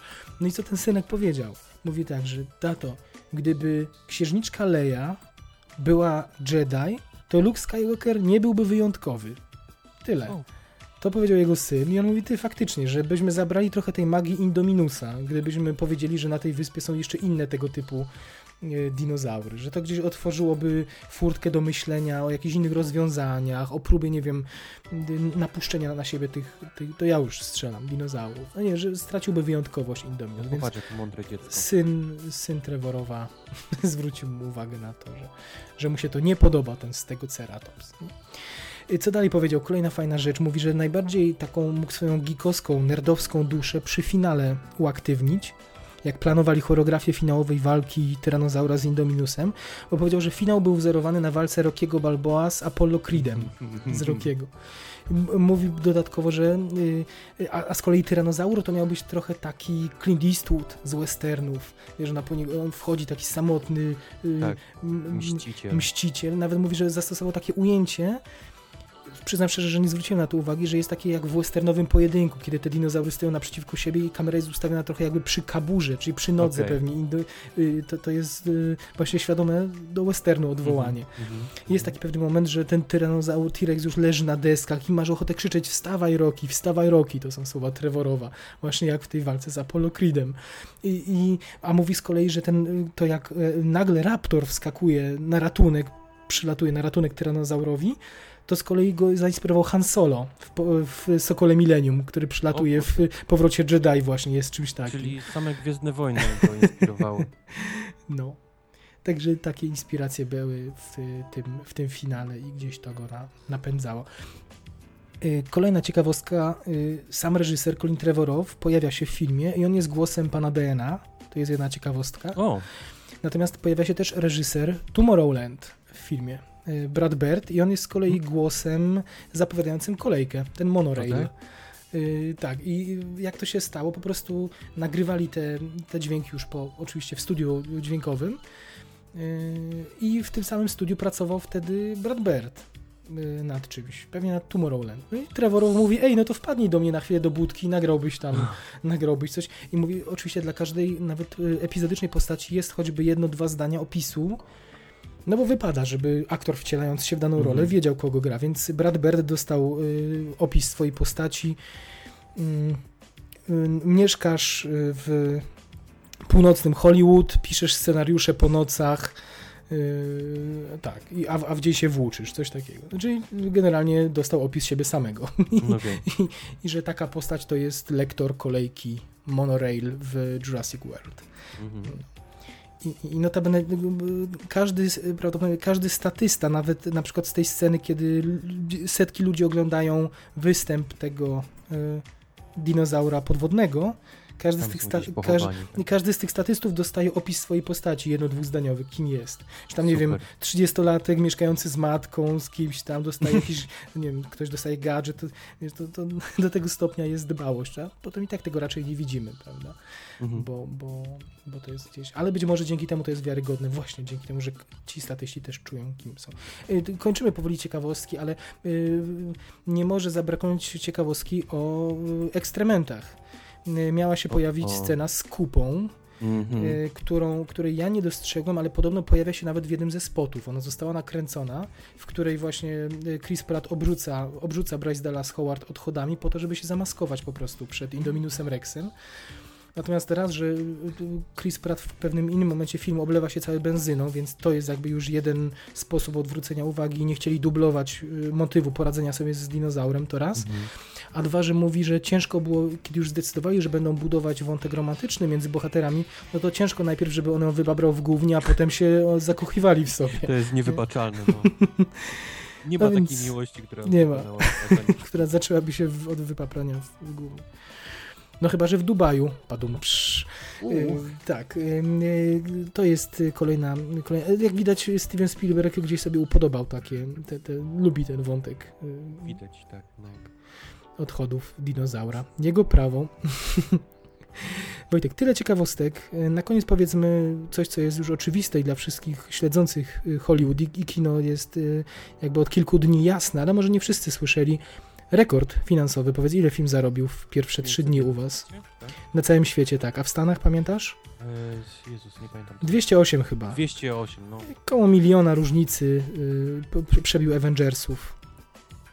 Pierwszych Avengersów dodajmy, bo drudzy no, nie, nie udało się przez walkę stulecia Mayweathera z Pacquiao y, pobić tego rekordu i tutaj no, y, po pierwsze powiedzmy o tym, że Marvel ładnie pogratulował y, twórcom Jurassic World, bo Kevin Feige wkleił ym, grafikę koncepcji, jednego z koncept grafików, którzy pracują dla Marvela, narysował po prostu Chrisa Prata z młotem Tora na dinozaurze w ręce. Tak. O, Nie wi- widziałeś to? Nie widziałeś tego? nie widziałem tego. Bardzo fajna rzecz. Zresztą to jest tradycja zapoczątkowana dziesiątki lat temu, bo właśnie nawzajem, nie wiem, Steven Spielberg sobie gratulował razem z- George'em Lucasem kolejnych tam przebitych rekordów otwarcia, jak tam Gwiezdne Wojny biły, E.T., E.T. bił Gwiezdne Wojny, Jurajski Park bił i tak dalej, i tak dalej. Potem Titanic, kiedy przebił yy, chyba Gwiezdne Wojny, tę tą zremasterowaną edycję, yy, to, to wtedy był, był no, pisali do siebie wzajemnie ci wszyscy najwięksi reżyserzy leży listy w prasie, takie ładne, drukowane z, rysun z rysunkami, w których gratulowali sukcesu. Bardzo fajny tre- tak, taki zwyczaj i tutaj Marvel, no już w naszych czasach nie wykupił może miejsca reklamowego w gazecie, ale w internetach opublikował taką grafikę. Y, To się chwali, to jest duża klasa. Fajnie to widzieć u Marvela. Na sam koniec, Wojtek, jak myślisz, a nie, jeszcze zanim, Jeszcze? jeszcze się chciałem zapytać o jedną rzecz. Jak myślisz, skąd fenomen tego sukcesu? Bo w najśmielszych snach nikt nie spodziewał się, że to zarobi 208 baniek w pierwsze 3 dni, tylko dawano 100 w optymistycznym, y, optymistycznie 140 milionów na otwarcie. Skąd? Czy masz taką jakąś teorię? Dinozaury. Wszyscy lubią dinozaury. Mhm. To jest jakieś takie coś, wiesz, dzieci się uwielbiają Mhm. bawić dinozaurami i, i, i chyba każdy pójdzie. To, to jest dokładnie to samo, dlaczego myśmy poszli na ten film z wypiekami na twarzy, tak samo ludzie poszli teraz. Poszliśmy my już jako dorośli mężczyźni, Mhm. poszli, wiesz, młodsi. Tam, na moim filmie było, było pełna sala. To Mhm. się rzadko zdarza, że była wypełniona. Ale miałeś dzieciaki na przykład? Oj, wszyscy byli. Miałeś? Cały przegląd. Mamy dzieci. y, No bo wiesz, ja cię, y, mam podobne zdanie jak ty, ale powiem, będę adwokatem diabła i zapytam cię, to dlaczego nie mieliśmy przez 15 lat filmu o dinozaurach, skoro wszyscy lubią dinozaury? Mm, Ktoś się Może- pomylił? Kto nie, planuje Może, może, rzeczy? może ten głód, Mhm. wiesz, może to było to. Mhm. Nie było go tak długo, że w końcu ludzie powiedzieli, kurde, no faktycznie, zobaczyłbym dinozaury. Powiem ci, że ja, jak byłem na tych dwóch seansach, nie miałem dzieciaków na żadnym. Nikogo. Ojej, pełno dzieci. U nas nikogo. Moja znajoma, która była wczoraj, powiedziała mi, że widziała jednego i to chyba cztero albo pięciolatka, ale też nie wyszedł zszokowany, tylko po prostu fantastycznie zniósł ten film. Czterolatek, czterolatek podkreślam. No okej. Film z napisami w ogóle, ale Wow. film brutalny przecież. Yy, Ale zgadzam się z tobą, na pewno głód i na pewno to, że yy, ja tak strzelam, że gdzieś przestrzelili tą grupę fokusową, znaczy badali zainteresowanie tematem i podejrzewam, że stwierdzili, że to jest zbyt brutalny na przykład film i nie badali zainteresowania wśród dzieciaków na przykład, dzieci, tylko no, bardziej, no, skoro to jest PG-13, no to badamy 10, 12, 15 Mhm. latków dorosłych a każdy dzieciak, ale to nie na etapie 10 lat, tylko właśnie 5, 6, 8 ma fascynację dinozaurami, tak jak i my Tak. mieliśmy. No. I, I wydaje mi się, że to to, że to jest niespodziewane po prostu, że poszły dzieciaki, które nie były targetem tego filmu, bo, no bo, bo powi- powiedzmy kolejny raz, on był brutalny, przyznaj. Krwi było sporo, Był. przecież Był, kończyny no. też latały gdzieś tam. no, Także... to prawda. Także to ciekawe, Spielberg musi mieć jakieś niezłe wtyki, że potrafi y, tą, tą organizację, która przyznaje tak udobruchać albo tak zmontować film, żeby nikt się nie przyczepił. To jest nie, niesłychane. A z drugiej strony silny wątek rodzinny, więc kino familijne pełną gębą. No to, to jest jakiś taki fajny paradoks tutaj. Kino rodzinne z urwanymi kończynami. Wojtek, co dalej? Co dalej? Jak myślisz? Gdzie to się potoczy? Bo to, że będzie sequel, to już możemy być Oj, niemal oj. pewni, prawda? No. Teraz będziemy oglądać InGen, który mocno modyfikuje dinozaury. Mhm. I boję się, że to już nie będzie kino familijne. Że na początku nie będziemy oglądać rozwodów albo, albo dwóch łopaczków Mhm. zwiedzających park, tylko to będzie... Och, to będzie jakaś jadka taka, no. Aż nie chcesz myśleć, tak? No, no. A, a, a będziesz czekał, czy raczej Nie, y, to nie, cię nie. będzie wręcz... Jeżeli to faktycznie takie się okaże, Mhm. gdzieś wczesne jakieś zaczną wyciekać scenariusze, to uch. Nie, Nie. To ja ci zdradzę, co mówi Colin Trevorow na ten temat. To jest ostatnio już y, y, ostatni wątek i ostatnia y, ciekawostka naszego specjalnego odcinka. No. Mm, Trevorow powiedział tak, po pierwsze, że oczywiście on no, nie wyreżyseruje już kolejnego filmu, że chciałby bardzo pozostać przy franczyzie, czyli w domyśle będzie producentem, który gdzieś Mhm. będzie pilnował tej, nie wiem, wizji artystycznej, natomiast już ma dość to, co powiedziałeś, że to jest gość, który jest za dobry prawdopodobnie na takie Mhm. kino i, i, Mhm. I będzie chciał sobie realizować swoje jakieś bardziej ambitne projekty niż, niż ten. Yy, I mówi tak, że ale gdyby on miał strzelać, to chciałby pójść w tę stronę, zastanawiać się, co zrobiłyby inne kraje z taką wiedzą i możliwościami, z takimi, jakie zaprezentowali w tym filmie, że co by się stało, gdyby nagle na przykład 20, on wymienił taką liczbę, co by się stało, gdyby 22 inne kraje dostały taką wiedzę i takie możliwości posiadania tych dinozaurów. To już widzę jakieś wojny między krajami, które nasyłają na siebie dinozaury, nie to co, to, co tutaj Vincent D'Onofrio tylko, tylko gdzieś w sferze marzeń mówił, że co by się stało, gdybyśmy mieli y, takie dinozaury w, Afga- w Afganistanie, to, to to może by się to troszkę inaczej potoczyło, nie? Więc on tu mówi, że to go zastanawia, a mówi drugi wątek, jeśli nie to, to mówi, że fajna też jest dla niego wizja eksplorowania tematu, że rozwoju więzi ludzi z dinozaurami na takiej samej zasadzie, jak ludzie rozwinęli swoje więzi ze zwierzętami. I teraz nie wiem, co, co, Hmm. jak to rozumieć, jak myślisz? No to zakładam, że co? Udomowienie dinozaurów, spowodowanie, że za parę lat na przykład ludzie mogą dinozaury kupować jako zwierzęta domowe. Nie, że, że dinozaury są w każdym większym mieście w zoo. Czyli wracamy do, do dinozaurów w dużym mieście, już nie w parku, tak? Ale wszędzie, na przykład w każdym, nie, że dinozaur w każdym domu, tak zmodyfikowany, że bezpieczny i w każdym no domu. jasne, ale musi być jakiś, który się Tak, pod kontrolą. Ale że na przykład dinozaury w każdym zoo na świecie i potem globalny kataklizm i wszystkie, no nie wiem, w takie rejony ucieka Trevorow. Mówi, że chciałby, żeby reżyserzy zmieniali się tak jak ma to teraz w, miejsce w Star Warsach. Taki jest pomysł na Star Warsy, żeby no, każdy film brał jakiś inny no, artysta i nadawał swojego własnego sznytu autorskiego. Powiedział, że jego marzeniem jest zobaczenie, i to już naprawdę ostatnia ciekawostka, że jego marzeniem jest zobaczenie jakiegoś hiszpańskiego uzdolnionego reżys- reżysera. No wiem, Hiszpania. Hiszpania jest płona, jeśli chodzi o twórców horrorów, którzy, czy thrillerów, który, klimatycznych, których Hollywood podkupuje potem. E, No i to jak najbardziej jest całkiem dobry trop. Taki reżyser z Europy na tym stanowisku mogłoby być nieźle. Wojtek, srogi, tłusty odcinek nam się poskładał. Takie jak dinozaury. Jestem, jestem przeszczęśliwy, że, że mogli, mogliśmy w ten sposób uhonorować ten ten y, niezwykle ważny film z 93 roku dla kinematografii i mogliśmy się nieco posprzeczać, ale sporo wydaje mi się też pozgadzać nad tym y, tegorocznym. Na finał powiedz mi, czy polecasz, czy... Yy, polecam, znaczy, inaczej, najbardziej. rozwij, rozwij to zdanie. Polecam, ale... Yy, ale, dlaczego ale? No mi się nie podobało, ale to są moje jakieś, jestem, próbowałem to wytłumaczyć, że to mogą być moje jakieś osobiste yy, niechęci, albo przyczepiłem się zbyt bardzo, ale jak najbardziej trzeba na ten film trzeba iść do kina, jak najbardziej. I to nie tylko z powodu nostalgii, po prostu, żeby zobaczyć dobrze, momentami nielogiczne, momentami, y, szczególnie kiedy jest Chris Pratt, y, no, słabo grane kino, No.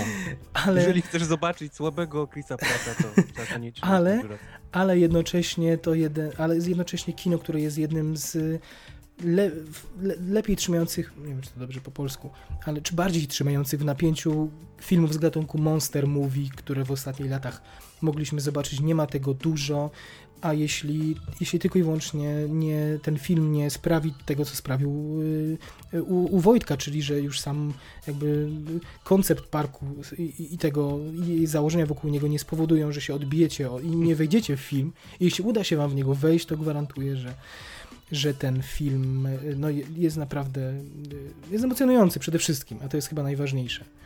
Y, Naprawdę nie emocjonowałeś się ani przez chwilkę? No chociaż przy tych raptorach mówiłeś, jak biegły przez las, że, że chociaż troszkę. Znaczy tak, no wtedy, poczułeś. mów, tak mówiłem, że, że poczułem tą Chociaż troszkę. skórkę i wiesz, i coś jest mocnego No w tej tak. scenie, mimo tego, że jest głupia jak but od lewej nogi, to, No to tak. faktycznie coś tam jest. No tak. Pytam o to, czy polecamy pół żartem. Oczywiście wszyscy, którzy, mam nadzieję, że słucha, ci, którzy słuchają podcastu, już y, film widzieli, ale może jakiegoś desperata, który stwierdził, że i tak na to nie pójdzie, a podcastu posłucha, może jednak przekonaliśmy, żeby na film Mhm. się wybrać, bo to jest ważne wydarzenie, choćby przez ten sukces kasowy, ale i no, zawsze widzimy z, i witamy z uśmiechem i z y, oklaskami, y, tak y, subtelnie i elegancko y, film odwołujący się do nostalgii sprzed y, dwudziestu paru lat, która nam również na seansie towarzyszyła. Dzięki wielkie Wojtek za to nagranie. Y, Czy pamiętasz, y, czy, czy możemy się zobowiązać teraz do jakiegoś kolejnego odcinka specjalnego? Chyba nie, prawda? Nie, nie, nie umiem na tę chwilę powiedzieć, kiedy się usłyszymy ponownie w odcinku specjalnym. Y, Ciężko. Ciężko powiedzieć, bo nie chciałbym się, Terminatora nie będziemy grillować chyba. To nie, nie zasługuje chyba na... na... Chociaż Zobaczymy. zobaczymy, co Zobaczymy. to będzie. James Cameron mówi, że, że warto, ale James Cameron nie zawsze ma rację. Do usłyszenia. Papa. Pa. Pa, pa.